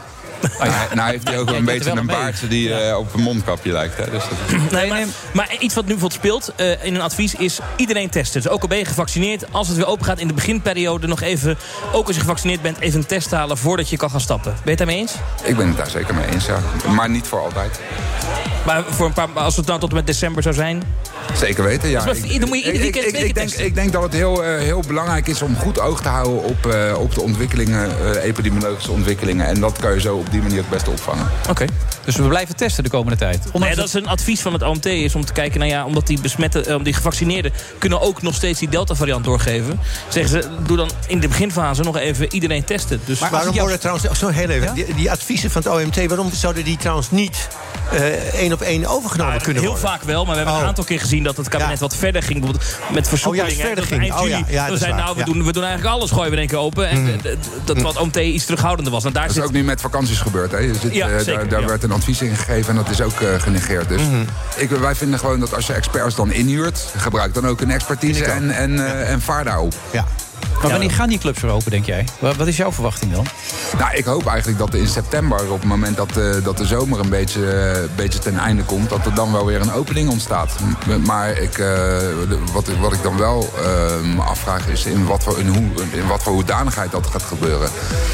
Ik kan me voorstellen dat je, dat je zegt van eh, ja, we doen het eerst even rustig aan. We kijken met halve capaciteit. Dan kunnen we ook eh, met- kunnen we het goed eh, ventileren. Kunnen we iedereen eh, genoeg eh, lucht geven. Ja, want ventilatie wordt onderschat. Hè? Dat wordt nu steeds serieuzer genomen, gelukkig. Maar Ja, dat is een hele discussie. Want de ventilatienormen in de horeca waren teruggeschroefd. Vanuit Ja. Nederland gezien was helemaal niet nodig. En nu zie je dat je eigenlijk misschien iets hogere eh, ventilatiewaardes moet hebben in een pand voordat we open zou kunnen. Alleen, ja, je zal maar een kroeg hebben en daar niet aan voldoen. Dan moet je 10.000 euro's investeren je kunt. Ja, daarom vragen wij dus ook om daar, een, eh, om daar een, eh, ja, misschien een subsidie voor in het leven te roepen. Zodat clubs die nu ook al heel veel schade hebben geleden eh, in deze crisis, daarmee geholpen kunnen worden. Frisse luchtsubsidie.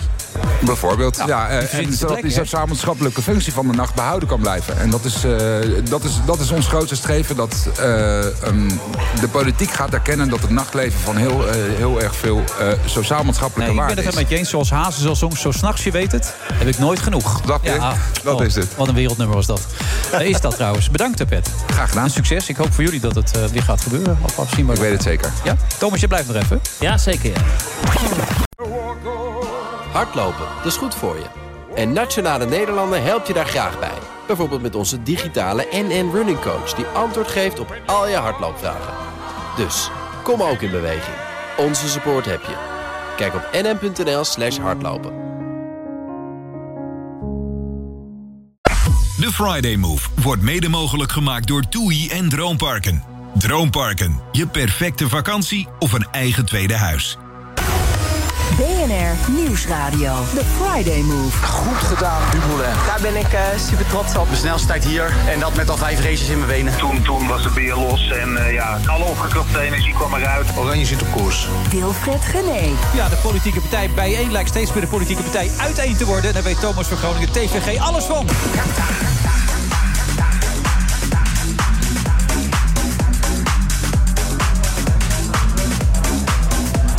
Zit er ook nog steeds. Ze krijgt allemaal reacties van zijn voetbalploeg, hoor ik net. Uh, Harry Saxioni. Leuke reacties ook, Harry, of niet? Ja, ze, ik, volgens mij zijn ze trots. Ze zijn trots op hem. Nou ja, dat is altijd leuk om te horen natuurlijk. Dat allemaal vanaf uh, Droompark de Zanding in Otterlo.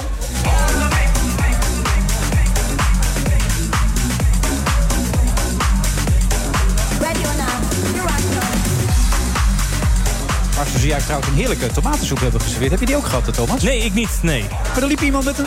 Oh, dan moet ik even straks... Met een blad gewoon. Ach, kom ik wel en even. Harry heeft ook geen tomatensoep. Hoe kan dat nou, zeg?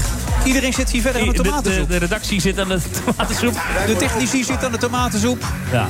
En Is het nou van naam veranderd hier? Hoe bedoel je? Hier, de, de, de locatie? Hoezo dan? Het was toch eerst Droompark? Nee, maar het wordt Europark. Dus wij, wij zijn in een transitie in het, in het, in het programma. Dus we begonnen in Droompark en we zijn nu langzaam naar Europark. Oké, oké. Dat je dat even weet. Ja, nee, voor de duidelijkheid. Ja. Het nieuw stembiljet. Zei, daar kan ik een heel leuk verhaal over vertellen. Nou ja, het is Nou, best, het maar. best aardig. De, de, Even tussendoor, waar heb je op gestemd de laatste keer eigenlijk? Eh, ik zeg nooit waar ik op stem. Want, eh, eh, Maar ik, ik ben nou eenmaal een, links. Nou, ik, vind- ik vind links een beetje eh, eh, ernstig geworden. Ja, dat heel ik- serieus. Ja, dat vind ik wordt weinig gelachen ook. Ja, vind ik ook. Ja. Dat is wel heel erg veranderd. Het lullig is dat ik van origine een, een linksdenkend iemand ben. Mhm. Maar laat ik zeggen, ik ben iets meer naar het midden opgeschoven. D66 dus. Ik zeg, ik ben iets meer naar het midden opgeschoven. Ja, D66. Ja. Nou ja, weet je nog, toen je dus eh, daar in dat stemhokje stond en D66 Ja. aankruiste... eh, toen had je zo'n enorm veel papier kreeg je mee. Een soort van eh vloertapijt van papier wat je helemaal uit moest vouwen. Ja. folder waar je... ook veel mensen hadden moeite om weer in elkaar te vouwen. En toen en al bij eerdere verkiezingen is gezegd... ja, we hebben nu zoveel partijen. Het loopt een beetje uit de klauwen met dat stembiljet. Dat moet kleiner, want ook met het tellen... eh, duurde bij de afgelopen verkiezingen weer iets langer dan, eh, dan bij de vorige verkiezingen. Eh, dus zeggen ze, daar moet iets aan gebeuren. Nou, er is Ja. nu een proef. Daar kwam het kabinet mee. En nu zegt vandaag de Vereniging Nederlandse Gemeenten... we gaan inderdaad mee in die proef. En er komt dus een nieuw stembiljet. Ja, biljetje. Het is een biljetje. biljetje. Het is een vrij klein ding. Er staan Ja. namelijk bovenin staan alle partijen met logo's. Dan, dan zet je een bolletje bij... Bijvoorbeeld in jouw geval bij D66. en, dan, eh, daaronder, heb- en daaronder heb je dan een, allemaal vakjes met nummertjes. En dan moet je dus in een los boekje dat je meekrijgt... moet je opzoeken. Nou, de kandidaat waar ik op wil stemmen. Als dit dan- wordt een succes. dus als het Dit wordt een is, succes. Dan moet je bij één. Maar als je dan Ja. zegt, nou, ik wil dus eh, op de nummer 6 stemmen... dan moet je dus het bolletje nummer 6 aankruisen. En dan moet je dus twee bolletjes zetten. Dat ding val je dubbel. Kijk, als je dan als vrouw zijnde van eh, Pieter Omzicht de verkeerde aankruist... dan kan ik me nog iets voor voorstellen. Ja. Ja. Hè? Ik, vind- ik Maar- vind dit trouwens ongelooflijk. Als dit echt een proef is, dat, dit, houdt, dit houdt toch geen stand?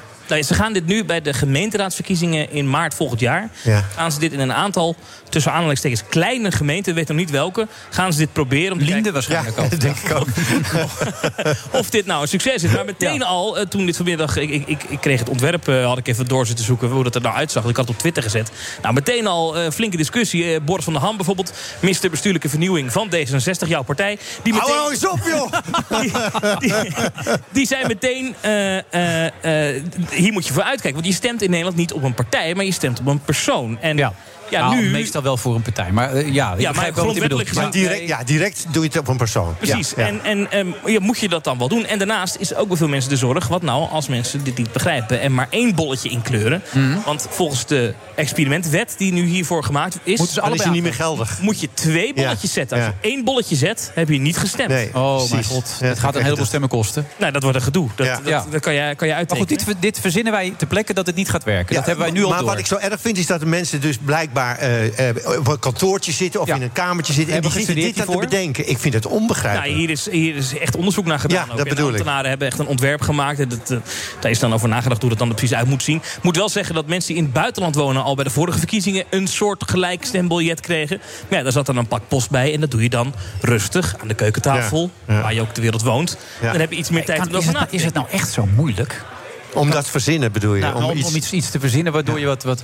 Kijk, het zijn natuurlijk bomen die omgehakt worden. Hele wouden moeten omgehakt worden met, met die formulieren die we nu hebben. Als je die openslaat enzovoort. Het is doodzonde. Doe je eens zo'n bolletje zo en dan duw je me weer in. Dat is toch verschrikkelijk eigenlijk allemaal? Dat is eigenlijk onzin, ja. Eh, Waarom kunnen we niet alleen nog met computers gaan werken dan? Nee, dat is dus het probleem. Die stemcomputer, daarvan is ooit gebleken dat in theorie... Is, fraudegevoelig. Het zou fraudegevoelig zijn en het stemgeheim zou in, in zijn. Wat mogelijk iemand op afstand met de radiosignaaltjes, eh, met een antenne eh, kan achterhalen... eh, dat eh Harry Saxioni op D66 gestemd heeft. En Ja, dat, dat heeft hij en- niet gezegd. ik, hou, ik ga weg hier. nee, dat is zo flauw. Sorry. Maar, en en, en eh, daarom is ooit gezegd, die- die doen we niet meer. En er zijn later ook nog onderzoeken geweest... wat nou als je een apparaat hebt waar je dan eh, wel eh, eh, op stemt. Dus echt een, een tableau met een knop waar je op drukt. En dat daar dan een bonnetje uitkomt waarop Ja. staat wat je gestemd hebt. En dat je dat bonnetje in de Ja. In het eh, stembus dingetje. gooit. eh, En dan, dan, is het, dan kan je namelijk aan het einde van de avond meteen proet, de digitale resultaten uit het apparaat halen. Dan zie je meteen, nou, dit, dit, hè, dan kan je meteen naar het ANP sturen. En dan weten we allemaal om 11 uur s'avonds al. Maar als je me nou gewoon een heel klein is. velletje geeft... waarop staat dat je de naam invult en de partij invult... en die lever ik gewoon in. Zo'n heel klein velletje. Hup, die gooi ik gewoon in die bak. Ik kijk even op de lijst. Ik zeg, nou, die vind ik wel leuk. Die schrijf ik op. Ik schrijf de naam op. En dat, eh, kan dat niet? Is onleesbaar, bijvoorbeeld. Zou kunnen. Eh, de- ja. Ja, maar dit is Jij toch weer. ook- ja. En het voordeel van dit systeem, wat ze nu bedacht hebben... dus met die, Ja, ze met, krijgen nu een zo soepje ook. Ja, Dankjewel. Ja. Eh, met, die twee, met die twee bolletjes die je dan invult. eh, eh, wat, wat het voordeel daarvan is, is dat in theorie straks die stemmen digitaal geteld kunnen worden.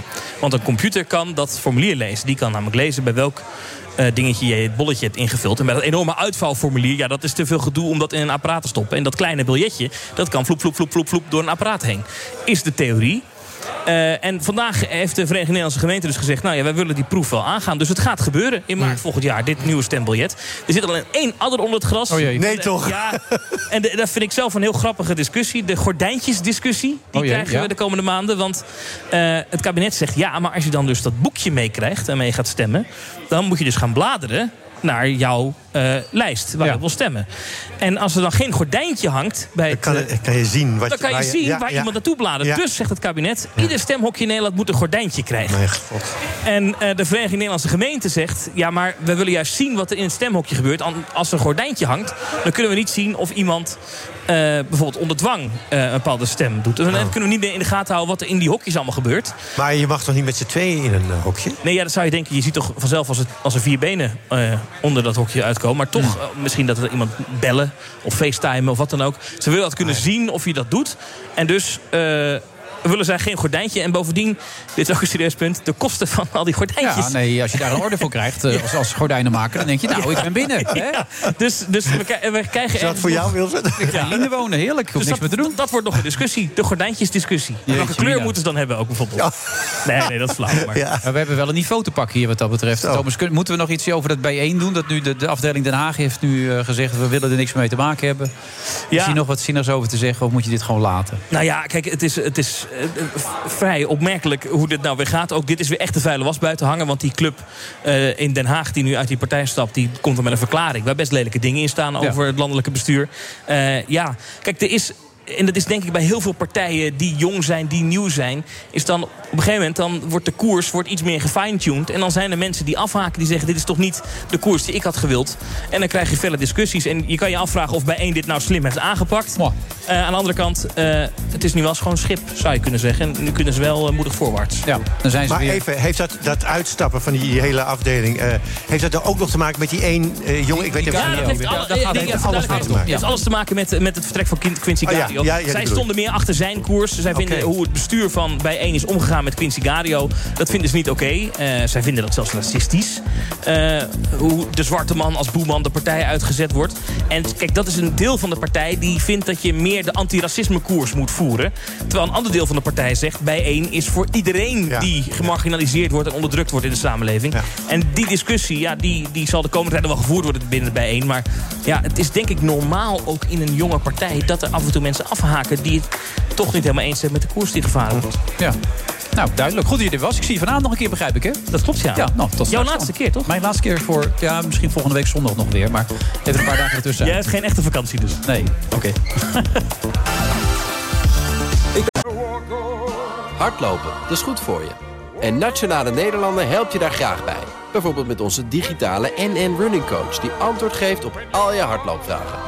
Dus, kom ook in beweging. Onze support heb je. Kijk op nn.nl slash hardlopen.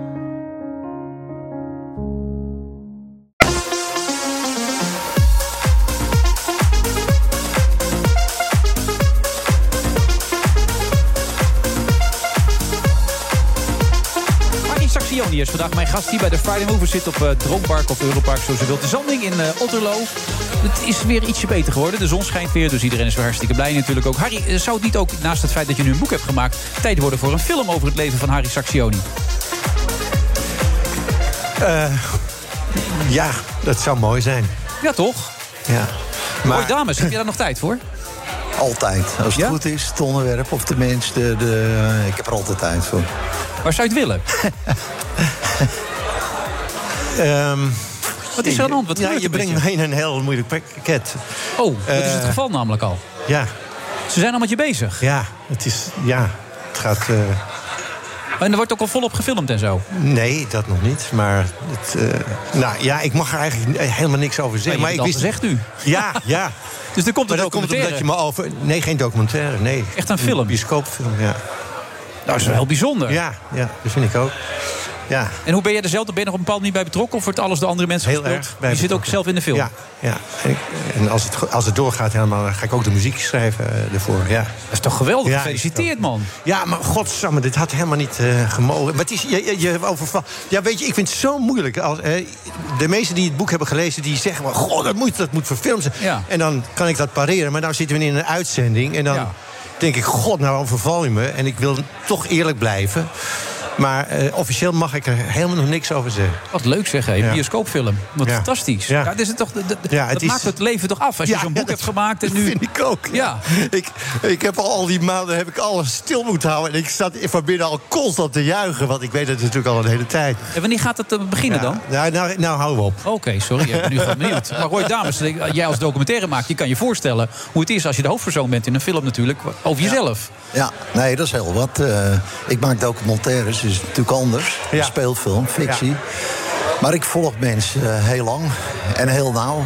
Dus eh, Ja, en lang is lang, hè? Misschien moet je even aan Harry uitleggen hoe lang jij bent lang, eh, met die jongens heb ik eh 26 jaar, 27 foute jaar. vrienden, de foute vrienden, vrienden, dus ja, een aantal ja. penoosachtige jongens uit Amsterdam natuurlijk. 26 jaar, maar eh, ik heb andere dingen, 20 jaar. Eh, vier jaar, zes jaar, dat soort lengtes. Dus echt heel erg lang soms. Dan dring je wel echt bij ze naar binnen, bedoel je? Ja, dat wordt een deel van mijn leven. En Ja, hun worden precies. ook een deel Ja. van hun leven. Ja. En eh, ja, dan wordt de camera een soort onderdeel van... eh, ik ben er, hij of hun zijn er en de camera is er ook. Ja, precies. Ja, ja, Is ja. die er dan opeens het- ook niet meer, die camera? Is die dan op een gegeven moment voor je gevoel weg? Nou, eh, kijk, bij sommige mensen ben ik zelfs eh, Jantje, Jantje van Amsterdam. Nou, die jongens zijn allemaal oud geworden. Jantje is 64, maar ziet er heel oud uit. En die is ook heel fysiek, is hij heel erg zwak. Dus dan ben ik een soort mantelzorger geworden. Dus Oké, ik doe ze financiën. eh, eh, boodschappen. Ik zou vandaag boodschappen doen. Ik breng hem naar de, de prikgever hè, voor een coronaprik. Maar dit film je niet. Dit film ik niet, nee. Maar ik, ik heb die ding... Oh, hij is uit. Oké, hij is uit. Nee, maar eh, ik film veel. Laten we het zo zeggen. En eh, wat belangrijk is natuurlijk. Waarvan ik denk dat het belangrijk is. En soms is het moeilijk. Want Wat, wat, wat bepaalt voor jou wat belangrijk is om te filmen? eh, ruzie. ruzie met mij. Ja, Zit er vaak? niet zoveel in. Ja, ik heb heftige ruzie gehad. Echt heavy ruzie. Eh, dat heb ik gefilmd. Zit er niet in in de serie. Maar, maar waarom, waarom had je dan ruzie met die? Omdat je dingen filmde die zij niet Nee? Of? eh, Ja, eh, ja, maar dingen die ik gedaan heb, waar ze niet mee eens zijn. Zoals bijvoorbeeld? Zoals, ik heb adv- advies gegeven aan een van de hoofdpersonen... om geld te gaan lenen van een andere hoofdpersoon. Oh ja, dat is ook niet handig. Nou, precies wat je zegt. Ja. Dus niet handig. Maar ik zei het als... eh, ja, hij heeft veel geld, dus misschien kan je naar hem gaan. Wat ik net wist, nee, dat is ook niet handig. Maar ik zei het wel. Het was in 2013 s- eh, stond ik kaartjes te verkopen... voor een film die net in première ging in, in, eh, Utrecht. Ja. Dus die man die belde op. Herman, in dit geval. Ja, ik zit helemaal los. Ik heb helemaal niks meer. Ik zei, nou, misschien moet je naar Jantje gaan. Die heeft geld. Nou, dan Jantje. Hij heeft het geleend, trouwens.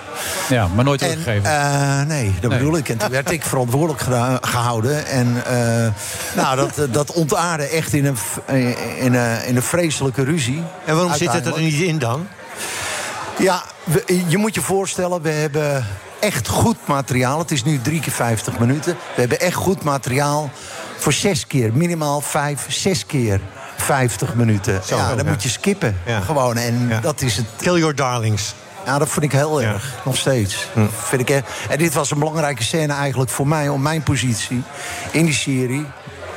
In relatie tot die mensen eh, het duidelijk te laten maken. En dat was niet altijd eh, vrolijk of hoezee of eh, prettig. Maar wie doet dan die regie? Wie, wie Ja, bepaalt ik, Nou, ik. Dus je hebt jezelf eruit ge- uitgeknipt. Ja, want als dit er niet uit moet, dan moet dat eruit. Dat Ja. soort dingen. Ja. Ja. dan moet je gewoon kiezen.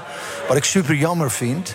Maar ja, ik hoop dus nog eens een platform te vinden. Een omroep of wat dan ook.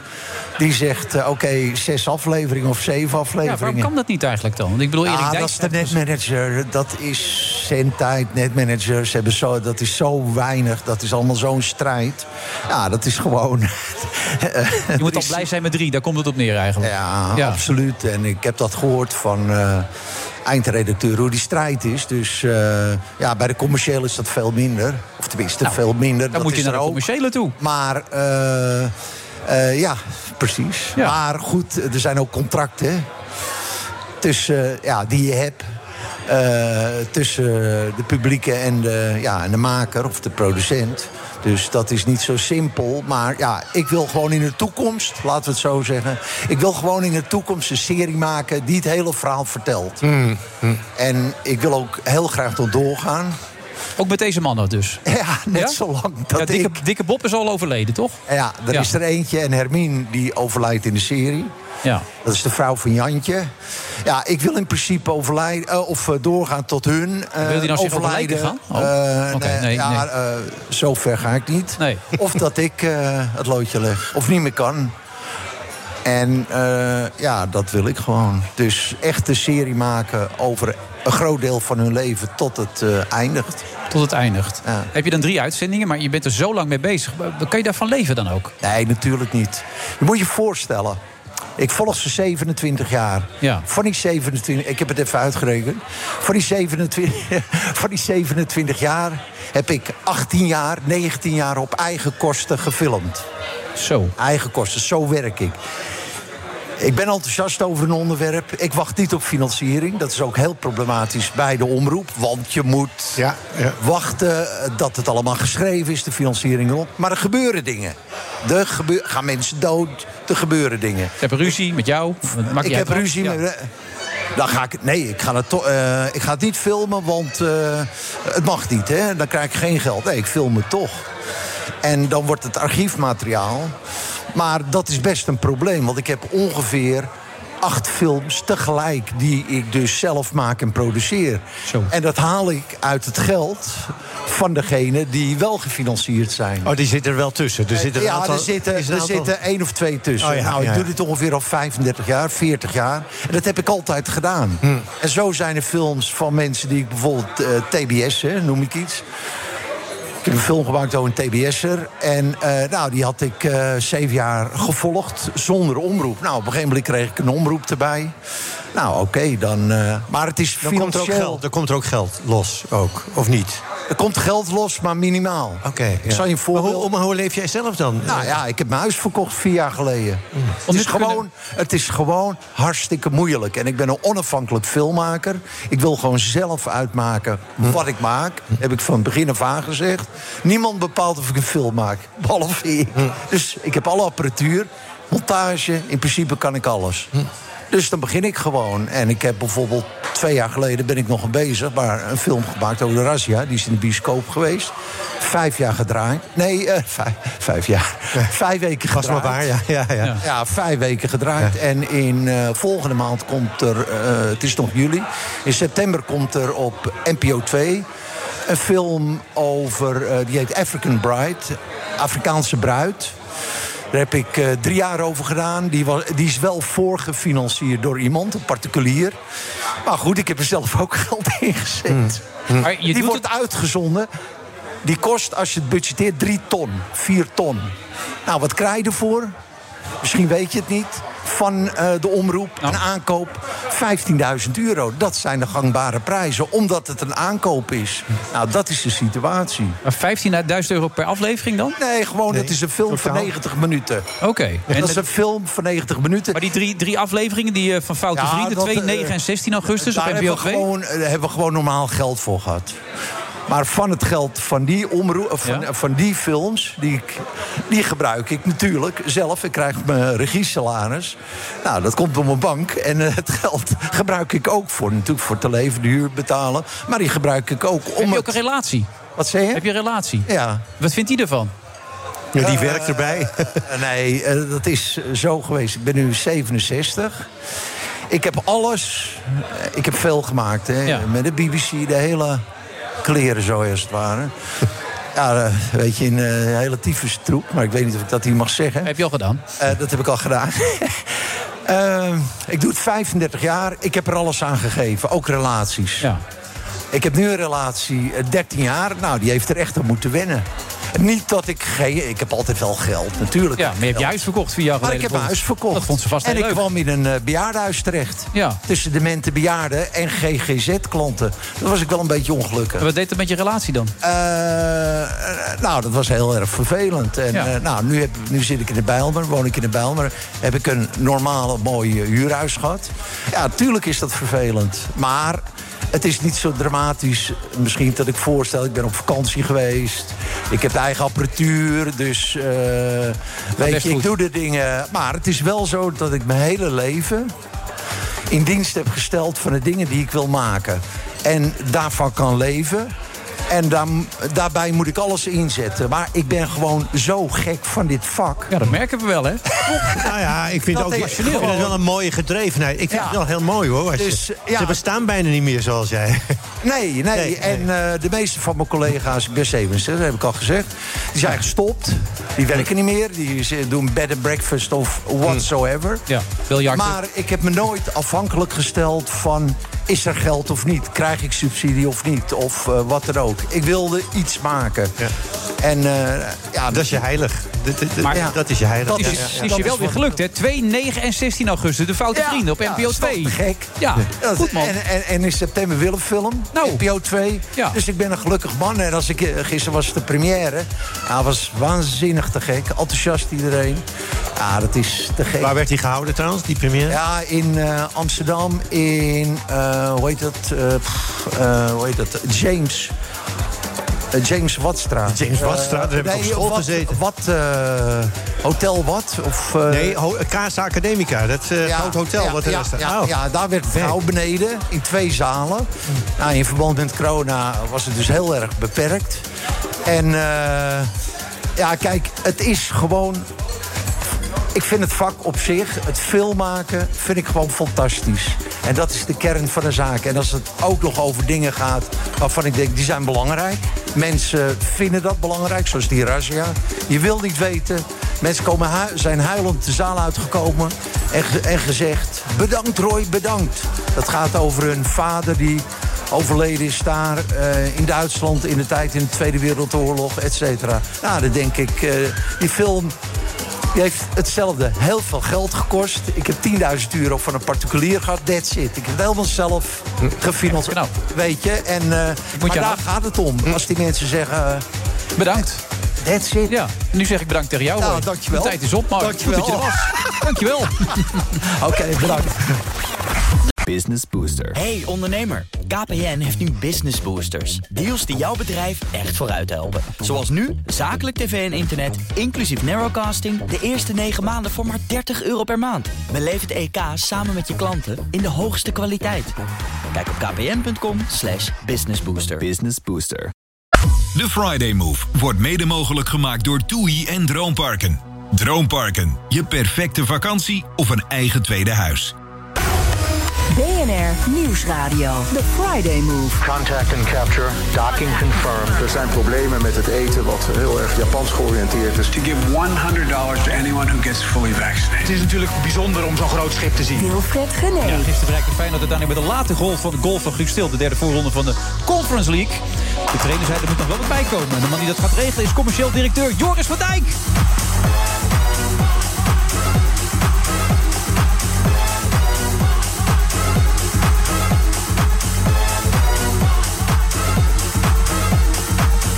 Gedeelte van het geld moet natuurlijk komen uit de deal met, deal met Roompark, inmiddels Europarks. Toch, Joris, of niet?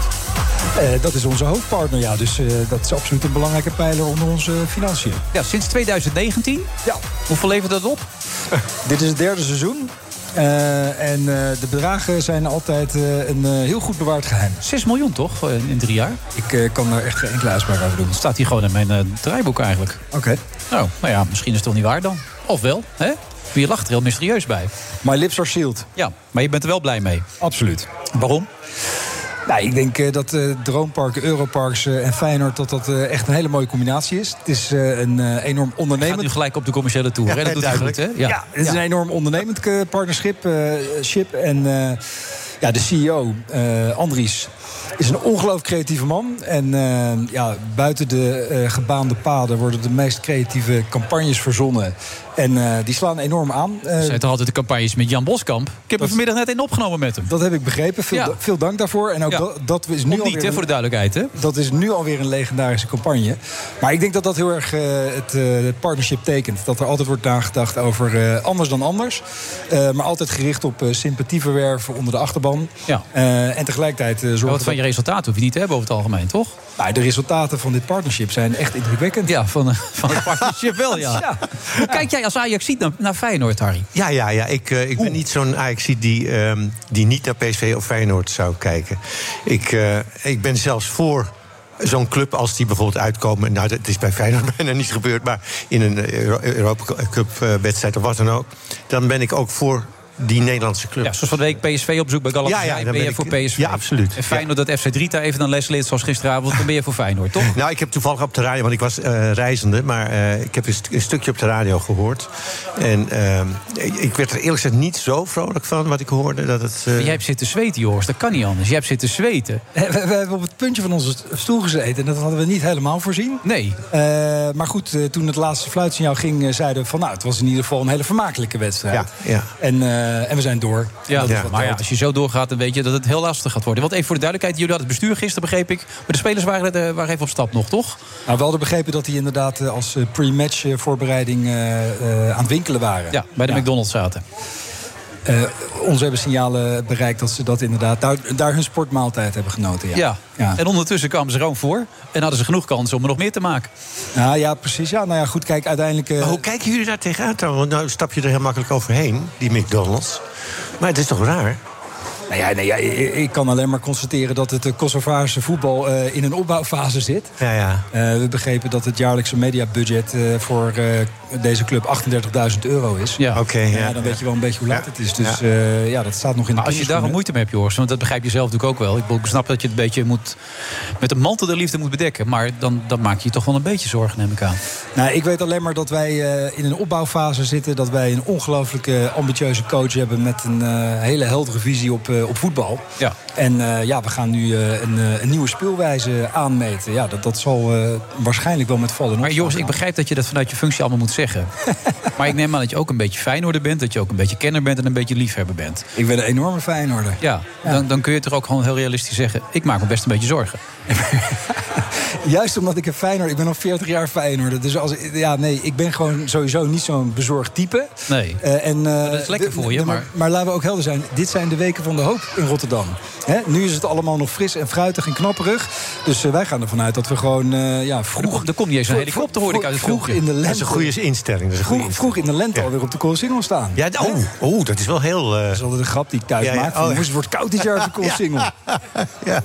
Ja, je moet het moet erin houden. Want je- net als Cambuur-fans, je bent het niet voor, dat- voor je lol natuurlijk, hè, fan van Feyenoord. Dat, is, ik bedoel, die zeggen wij in Leeuwarden ook altijd. Nu zijn we weer een keer gepromoveerd. Dus in dat opzicht eh, hebben we weer een beetje lol.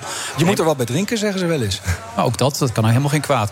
Maar als je nu even kijkt, want er moet echt wel wat bij komen. Maar dan hebben we steeds onze bekende Chris Woerts in de studio. Chris zegt, investeerders willen alles. Pim, Pim Blokland wil schuiven. Dan moet er eerst even salaris vrijgemaakt worden. Kan dat? Nou ja, allereerst, wij vinden het altijd een enorme vermakelijke tv. Eh, er is eh, iedere week weer nieuws eh, dat wij eh, ook dan op dat Ja, moment dan weer horen. een Amerikaanse investeerder en dan weer een eh eentje uit Rotterdam. Ja. Nou ja, en eh, wij hanteren toch eh, de lijn dat eh, op het moment dat er iets te melden valt, dan zullen we dat zeker doen. En in de tussentijd is alles ja, gerucht en interessant. Maar ja, herkennen wij niet. Maar mag ik vragen? Een, een financieel man, heeft hij ook met, mag hij zich ook bemoeien met het, de keuze van beleid, welke spelers aangetrokken worden? Of heb je echt alleen maar die fi- financiële kant, die moet je dan eh, eh, in de gaten houden? Nee, ik ben de commerciële man. Hè, dus, dus, Ja, daarom. eh, dus, en dan heb je ook nog een financiële man. Ik heb ook nog een. Oh, zo bedoel je. Oh, ja, ja, ja. Financieel directeur. Eh, nee, maar het technisch beleid ligt echt volledig bij Frank Arnes. Oh, toch wel? Onze Oké, directeur. ja. Absoluut. En, en, en, en daar, ik bedoel, dan wordt er alleen maar gekeken... oké, eh, die stel Frank Arnezen zegt... eh, die spelen we, moeten we aantrekken. En dan wordt er door jullie of door eh, de financiële man gekeken... is dit een haalbare kaart of niet? Ja, we werken natuurlijk altijd met, met budgetten. Hè, dus we weten wel een klein beetje wat we aan eh, speelruimte hebben. Ehm, en uiteindelijk er, liggen enorme eh, analyses aan ten grondslag. Ja, Dus precies, wordt, eh, vanuit eh, het scoutingapparaat eh, wordt natuurlijk gekeken van... is dit een speler die ook daadwerkelijk iets gaat toevoegen aan Feyenoord? Wat vonden jullie van Til, dat hij, eh, dat hij erbij kwam? Til heeft gisteren een hat gemaakt. Ja. Dat eh, maakt dat het eh, nu al gewoon eh, fantastisch is dat deze... Nu is hij al legendarisch. Ja, deze, deze jongen erbij is. Ja, en, nou ja, goed. en dan praat ik even als supporter. Ik, ik vind dat gewoon een hele eh, fijne collega. Goede kop, frisse ogen. En ja. ja, maakte gewoon gisteren een hat Was ja. AZ, hè, toch maar iets eh, hiervoor zat? Daar zat hij in, de En in Rusland ook? geweest. En toen Oh. heeft hij in Duitsland gespeeld. En toen ging het mis. Oké. In beide gevallen ging het eigenlijk mis. Maar in Duitsland ging het wel ietsje beter. En in Rusland kwam je bijna niet aan spelen toe. Hè? Dat is toch dus volgorde?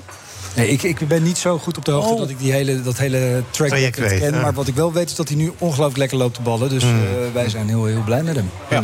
Er moet geld bij komen. Dat, dat kan niet anders, want anders kom je nooit meer verder. Denk ik, als je kijkt wat Ajax zich aan het ontwikkelen is... dat is echt niet normaal, de laatste jaren. Ik bedoel, het gat begint zo verschrikkelijk groot te worden. PSV kreeg dit jaar weer een injectie erbij van 50 miljoen. Dus dat is ook weer een eh, behoorlijke voorsprong. Hoe ga je dat de komende jaren doen? Is dat stadion alles bepalend daarvoor? Nou ja, sowieso zie je dat in het hele internationale voetbal... er sprake is van een... eh, er komen internationale eh, helden, topploegen. En er blijven natuurlijk een soort eh, local heroes over. En het mag duidelijk zijn dat Feyenoord gezien haar historie... en de ambitie die er gewoon in wereldstad Rotterdam zit... dat wij ons willen aansluiten bij die Europese top. Dus daar, hoe? Ja, daar moeten we stappen voor gaan maken. Ja, nee, het is allemaal heel logisch, maar hoe? Uiteindelijk eh, ligt de waarheid, zoals het cliché luidt, op het veld. Dus we moeten gewoon zorgen dat we vanuit een hele eigen voetbalvisie...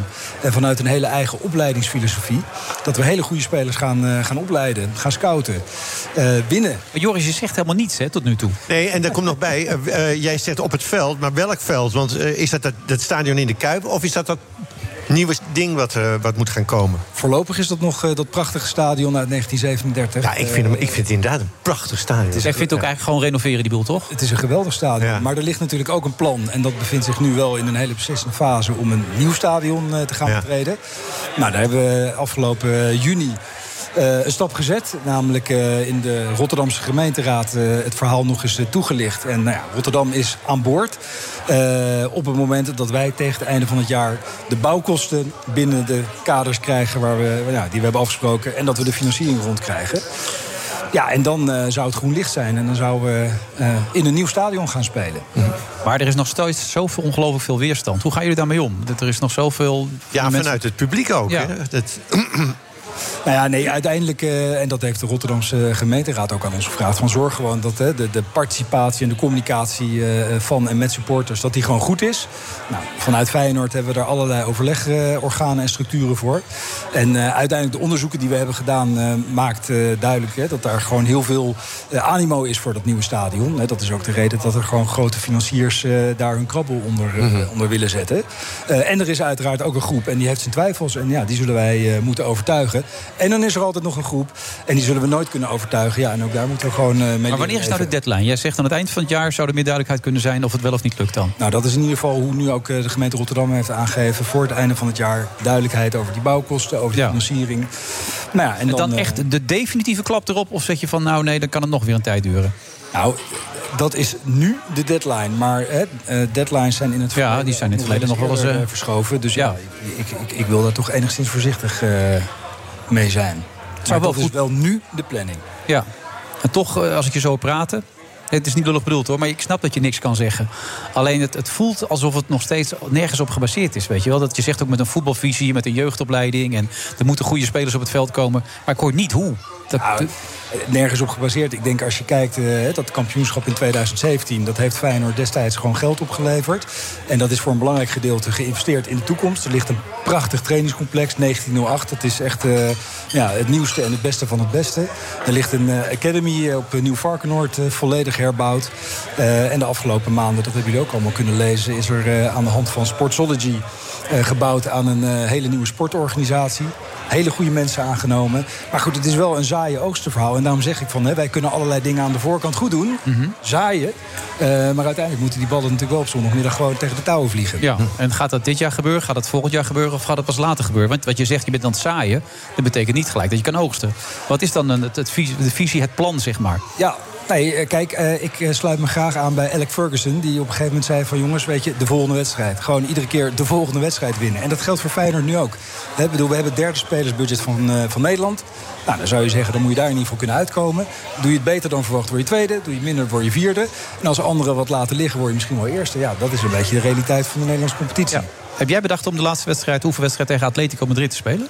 Heb ik niet bedacht, maar ben ik wel ongelooflijk blij mee. Ja? Ja. Is dat goed Ja, financieel waarschijnlijk. Ja, ja, ja. En het is toch een prachtig affiche.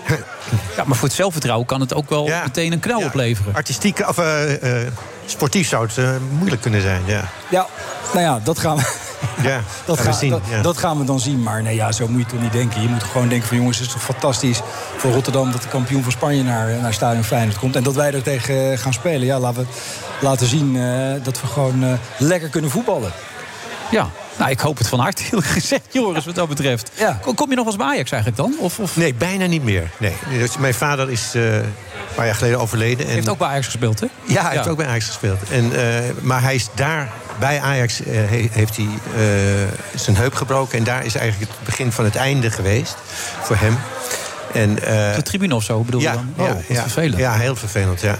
En ehm, ja, eigenlijk is dat een, een soort gevoelsmatige reden... waarom ik niet meer zo eh, graag naar dat stadion ga. Die associatie erbij bedoel Ja, je? ja. En hoe- vond je daarvoor dat nog die sfeer bij Ajax? Was het Nou, nog jouw club of was het inmiddels jouw club Ik vond meer? de meer vond ik helemaal te gek. Ja. Daar ben ik ook mee opgegroeid. Maar, en eh, ik vond het, eh, ja, het grote stadion... eh, of het, wat, wat nu dan Johan Cruijff Stadion heet... eh, ik- ja, dat...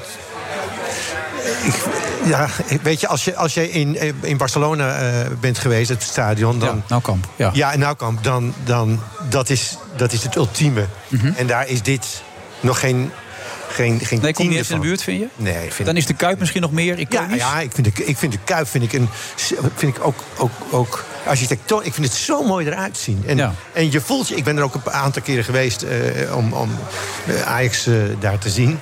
En ehm, eh, dat, ja, dat, dat, dat was, was grandioos. Dat vind ik, vond ik echt. En ik vind dat... Nauwkamp vind ik dus het ultieme stadion. En ik, ja, ik vind de arena daar niet echt... echt Nee, maar zeker niet nu je de associatie daarmee hebt. Is het natuurlijk helemaal een beetje. Ja. Als nog even over je vader gesproken. Want dat verhaal heb je net niet afgemaakt met Jaap Stalenburg. Maar je had dus de hele nacht op die drie akkoorden zitten spelen. Voor de duidelijkheid. Want hij ging er opeens doorheen zitten praten. Ja, ja, maar- ja. Oh ja, om dat even af te maken. Ja. Ja. ik, ik begon dus die drie akkoorden. eh, Ik denk, goh, eh, je moet dat achter elkaar goed kunnen spelen. En mijn vader, hij heeft dus een, in mijn, de woning van ons eh, was achter de winkel. Ja, de sigaren- sigarenwinkel, ja. En hij stond altijd om half zeven op om zeven uur de winkel open te doen. Maar ik had eigenlijk die dag op school een repetitie. Het was Frans, dat weet ik nog precies. En eh, nou, ik bezig en, en ik ben er blijkbaar zo in opgegaan. Dus op een gegeven moment gaat inderdaad de deur open. En ik wil eigenlijk tegen mijn vader zeggen... ja, ik eh, ga me wel even uit, uitkleden en ik ga zo naar bed. Toen zegt hij, hé, hey, ben je al op? En opeens realiseer ik me dus dat ik de hele nacht... alleen maar op die drie akkoordjes had gezeten. En ik durfde dus niet meer te zeggen... Ik zeg, toen zei ik zoiets van... eh, ja, ik, eh, ik denk eh, vlak voor ik naar school ga... nog even wat gitaar spelen. En Ja. Zegt hij, oh, zal ik nog even een beschuitje voor je maken? Ja, dat is goed. Toen ben ik zonder, zonder te slapen ben ik naar school gegaan. Ik, had, ik geloof een één voor mijn repetitie. Maar het is toch wel bijzonder. Dat klaarblijkelijk kan die muziek jou zo grijpen. ja. En dat doet het nog steeds? Ja, nog steeds. Ja, ja. Het is, ik heb wel eens gezegd... eh, ik bedoel, eh, ik, denk, ik denk wel dat ik... Dat ik eh, of er moet mij lichamelijk natuurlijk van alles gebeuren. Maar ik denk dat ik bij wijze van spreken sterf op een, op een podium. Ja. Ik vind, het, ik vind muziek maken en ook componeren vooral... dat vind ik eigenlijk het, het ultieme. Ja, je kan het ook niet op afroepen, hè, las ik in je boek. Mensen Nee. die zeiden nu even het volgende album maken... net Ja. als de vorige keer, dat is geen probleem. Nee, zo werkt het Het kan op bepaalde situaties opeens- opeens er zijn, toch? Ja, ja. En, eh, en dat is niet eens te vatten. Ik bedoel, het is... ehm, Als je nu voor die film die muziek moet maken... dat kun je dus ook niet zomaar oproepen. Nee, ja, nee, maar dan heb je natuurlijk beelden. Ik- Dat is wel wat anders hoor. Als je eh, componeert met beelden erbij, dan, heb je al, dan krijg je al een soort input. En als je componeert vanuit helemaal niets of Ja. vanuit eh, een, een, een, een, eh, een- Ik heb eens een keer een, nummer geschreven over een rotonde. De rotonde bij, eh, bij Eindhoven. De Poot van Metz heet die. Ah, die heette zo. Nu zijn het allemaal flyovers. Dat was toen een hele grote rotonde. Daar kwam ik een keer s'nachts aanrijden na een, of, na een optreden in Maastricht. Het was heel slecht weer. En, en toen en, en langs de snelweg waren helemaal geen, geen lampen. Zo lang geleden is dat al. En en toen kwam ik aanrijden en opeens zag ik door die diffuse eh, regen en die mist... zag ik oranje lampen. Ik denk, oh, ik ben bij de Poot van Metz. Maar ik, weet niet, eh, toen was dat een idioot grote rotonde... waar alle grote wegen op afkwamen. En, eh, en ik vond dat ik reed helemaal in mijn eentje. Er was niemand op de snelweg. En ik, en ik kwam er aanrijden en ik vond het zo mooi, die sfeer... Dat, ik heb die rotonde midden in de nacht ongeveer vijf keer genomen. En, eh, en toen eh, uiteindelijk weer doorgereden. En toen had ik al de sfeer die ik zag, had ik al in mijn hoofd het nummer. En dat is het, het nummer Poot van Metz. Ik kwam thuis en toen had ik eigenlijk al het grootste deel van het nummer in mijn hoofd al geschreven. Bijzonder, hè? Ja, ja zo werkt Mooi is dat, hè? Ja, vind ik geweldig. Ja, als je Ja. dit dan hoort. Ja. Heb jij dezelfde passie voor jouw werk, Joris? Absoluut. Ja? Ja? nou goed, ja, dit is natuurlijk eh, echt eh, creatief en het, het, het komt tot je en dan uiteindelijk gaat het het licht zien. Dan, ik heb toevallig net de documentaire over de Bee Gees gezien en daar komen dit soort verhalen in voor. En ik eh, kon ook zo goed componeren trouwens. Ja, die, eh, ja, waanzinnig. Robin waanzinnig. Gibb en die eh, eh, Barry Gibb. De drie broers. Ja, ja. Zo belachelijk veel nummers. Ja. Ik heb laatste keer op, op YouTube heb ik zo'n overzicht gezien van alle hits die ze hadden. Ja. De, het waren helemaal zwart-wit waren ze. Hele jonge gastjes enzovoort. En wat is Ongelooflijk, dit allemaal? En Ja. ik kende bijna al die nummers. Ja. Ja. Ja. Als een soort. Beatles begonnen. En later de disco gepakt. Ja. En later ook... Paul McCartney en Paul Simon zijn precies hetzelfde. Het is ongelooflijk de lijst aan, aan nummers die zij geschreven hebben. Het is, en, Maar heb jij dus ook? ja, maar dat zijn nog eens een keer wereldhits, weet je wel. Eh, Nou, jij, jij hoeft niet te bescheiden te doen. Je hebt er ook geweldige hits ja, geschreven. ik heb, ja nou zeker. Maar, maar eh, het, het, ik vind het zo... Weet je, als ik Paul McCartney zie... Ja, ja, ik vind dat, dat vind ik zo'n groot iemand. Die, ik heb wel eens in, de indruk dat hij zelf niet in de gaten heeft... hoe groot die man is. Hmm. Wat hij aan de wereld geschonken heeft ondertussen... en nog steeds doet, het is absurd. Ja, die heb je soms, hè? Heel Ja, enkel. ja, Ja, ja. ja. de generatie. Ja, ja. ja. Wanneer wordt Feyenoord weer kampioen, Joris? Waar mogen we op rekenen? Oh, nou ja, kijk, ik zei het al, zijn de weken van de hoop. Laten we gewoon hopen dat het dit jaar wordt. Ja, hoop doet leven. Zeker. Ja, zo is het wel. Ja. Nou, wens je heel veel succes. Ik hoop ook de volgende wedstrijd Loetserend, geloof ik, hè? Toch? Ja, ja. Nou, eerst zondag tegen ADO. Ja, dat is waar. Ja. Maar het is dat. Ja. Hij, spreekt het ook meteen zo uit. Ja. ja, die moet even weten waar ze staan.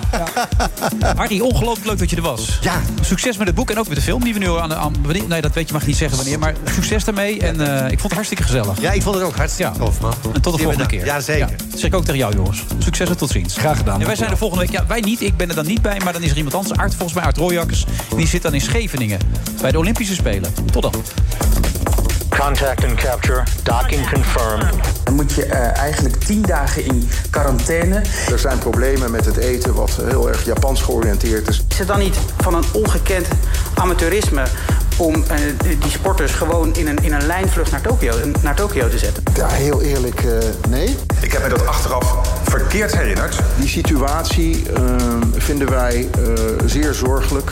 Maar in het Huis van Afgevaardigden zijn dan weer een paar echt progressieve democraten... die nu al hun messen aan het slijpen zijn. Oranje zit op koers. Dit soort dingen krijg je natuurlijk niet meteen perfect. Het is natuurlijk bijzonder om zo'n groot schip te zien. En het is ook bijzonder om de Ever Given te zien. Oh, oh, oh, oh, oh. Cookie, cookie, cookie, cookie. Wacht, wacht, wacht, wacht, wacht. Kan ik bij u een cookie winnen? De snelste tijd hier. En dat met al vijf races in mijn benen. Ja, ik moet gewoon de race gaan varen. Uh, gewoon goed varen, goed starten en een uh, schone, een clean wedstrijd varen. Toen, toen was de beer los. Alle opgekropte energie kwam eruit. Ja, dat was ongelooflijk. Daar ben ik uh, super trots op. En daarmee is het vorige Olympische dagrecord uit 1928 verbroken. De getallen zien er inderdaad prima uit. Goed gedaan, Dumoulin. Eerlijk gezegd waren de verwachtingen naar boven toe uh, opgeschroefd. To give $100 to anyone who gets fully vaccinated. Dus je hebt een meldplicht, een quarantaineplicht en een testplicht. Het lijkt alsof jij suggereert dat die besmettingen op de vlucht hebben plaatsgevonden. Dat is heel moeilijk te bewijzen. Ja, heel eerlijk, uh, nee. Nee. De Friday Move wordt mede mogelijk gemaakt door Droomparken en TUI. Discover your smile. Business Booster. Hey ondernemer, KPN heeft nu Business Boosters. Deals die jouw bedrijf echt vooruit helpen. Zoals nu, zakelijk tv en internet, inclusief narrowcasting... de eerste 9 maanden voor maar 30 euro per maand. Beleef het EK samen met je klanten in de hoogste kwaliteit. Kijk op kpn.com businessbooster. Business Booster.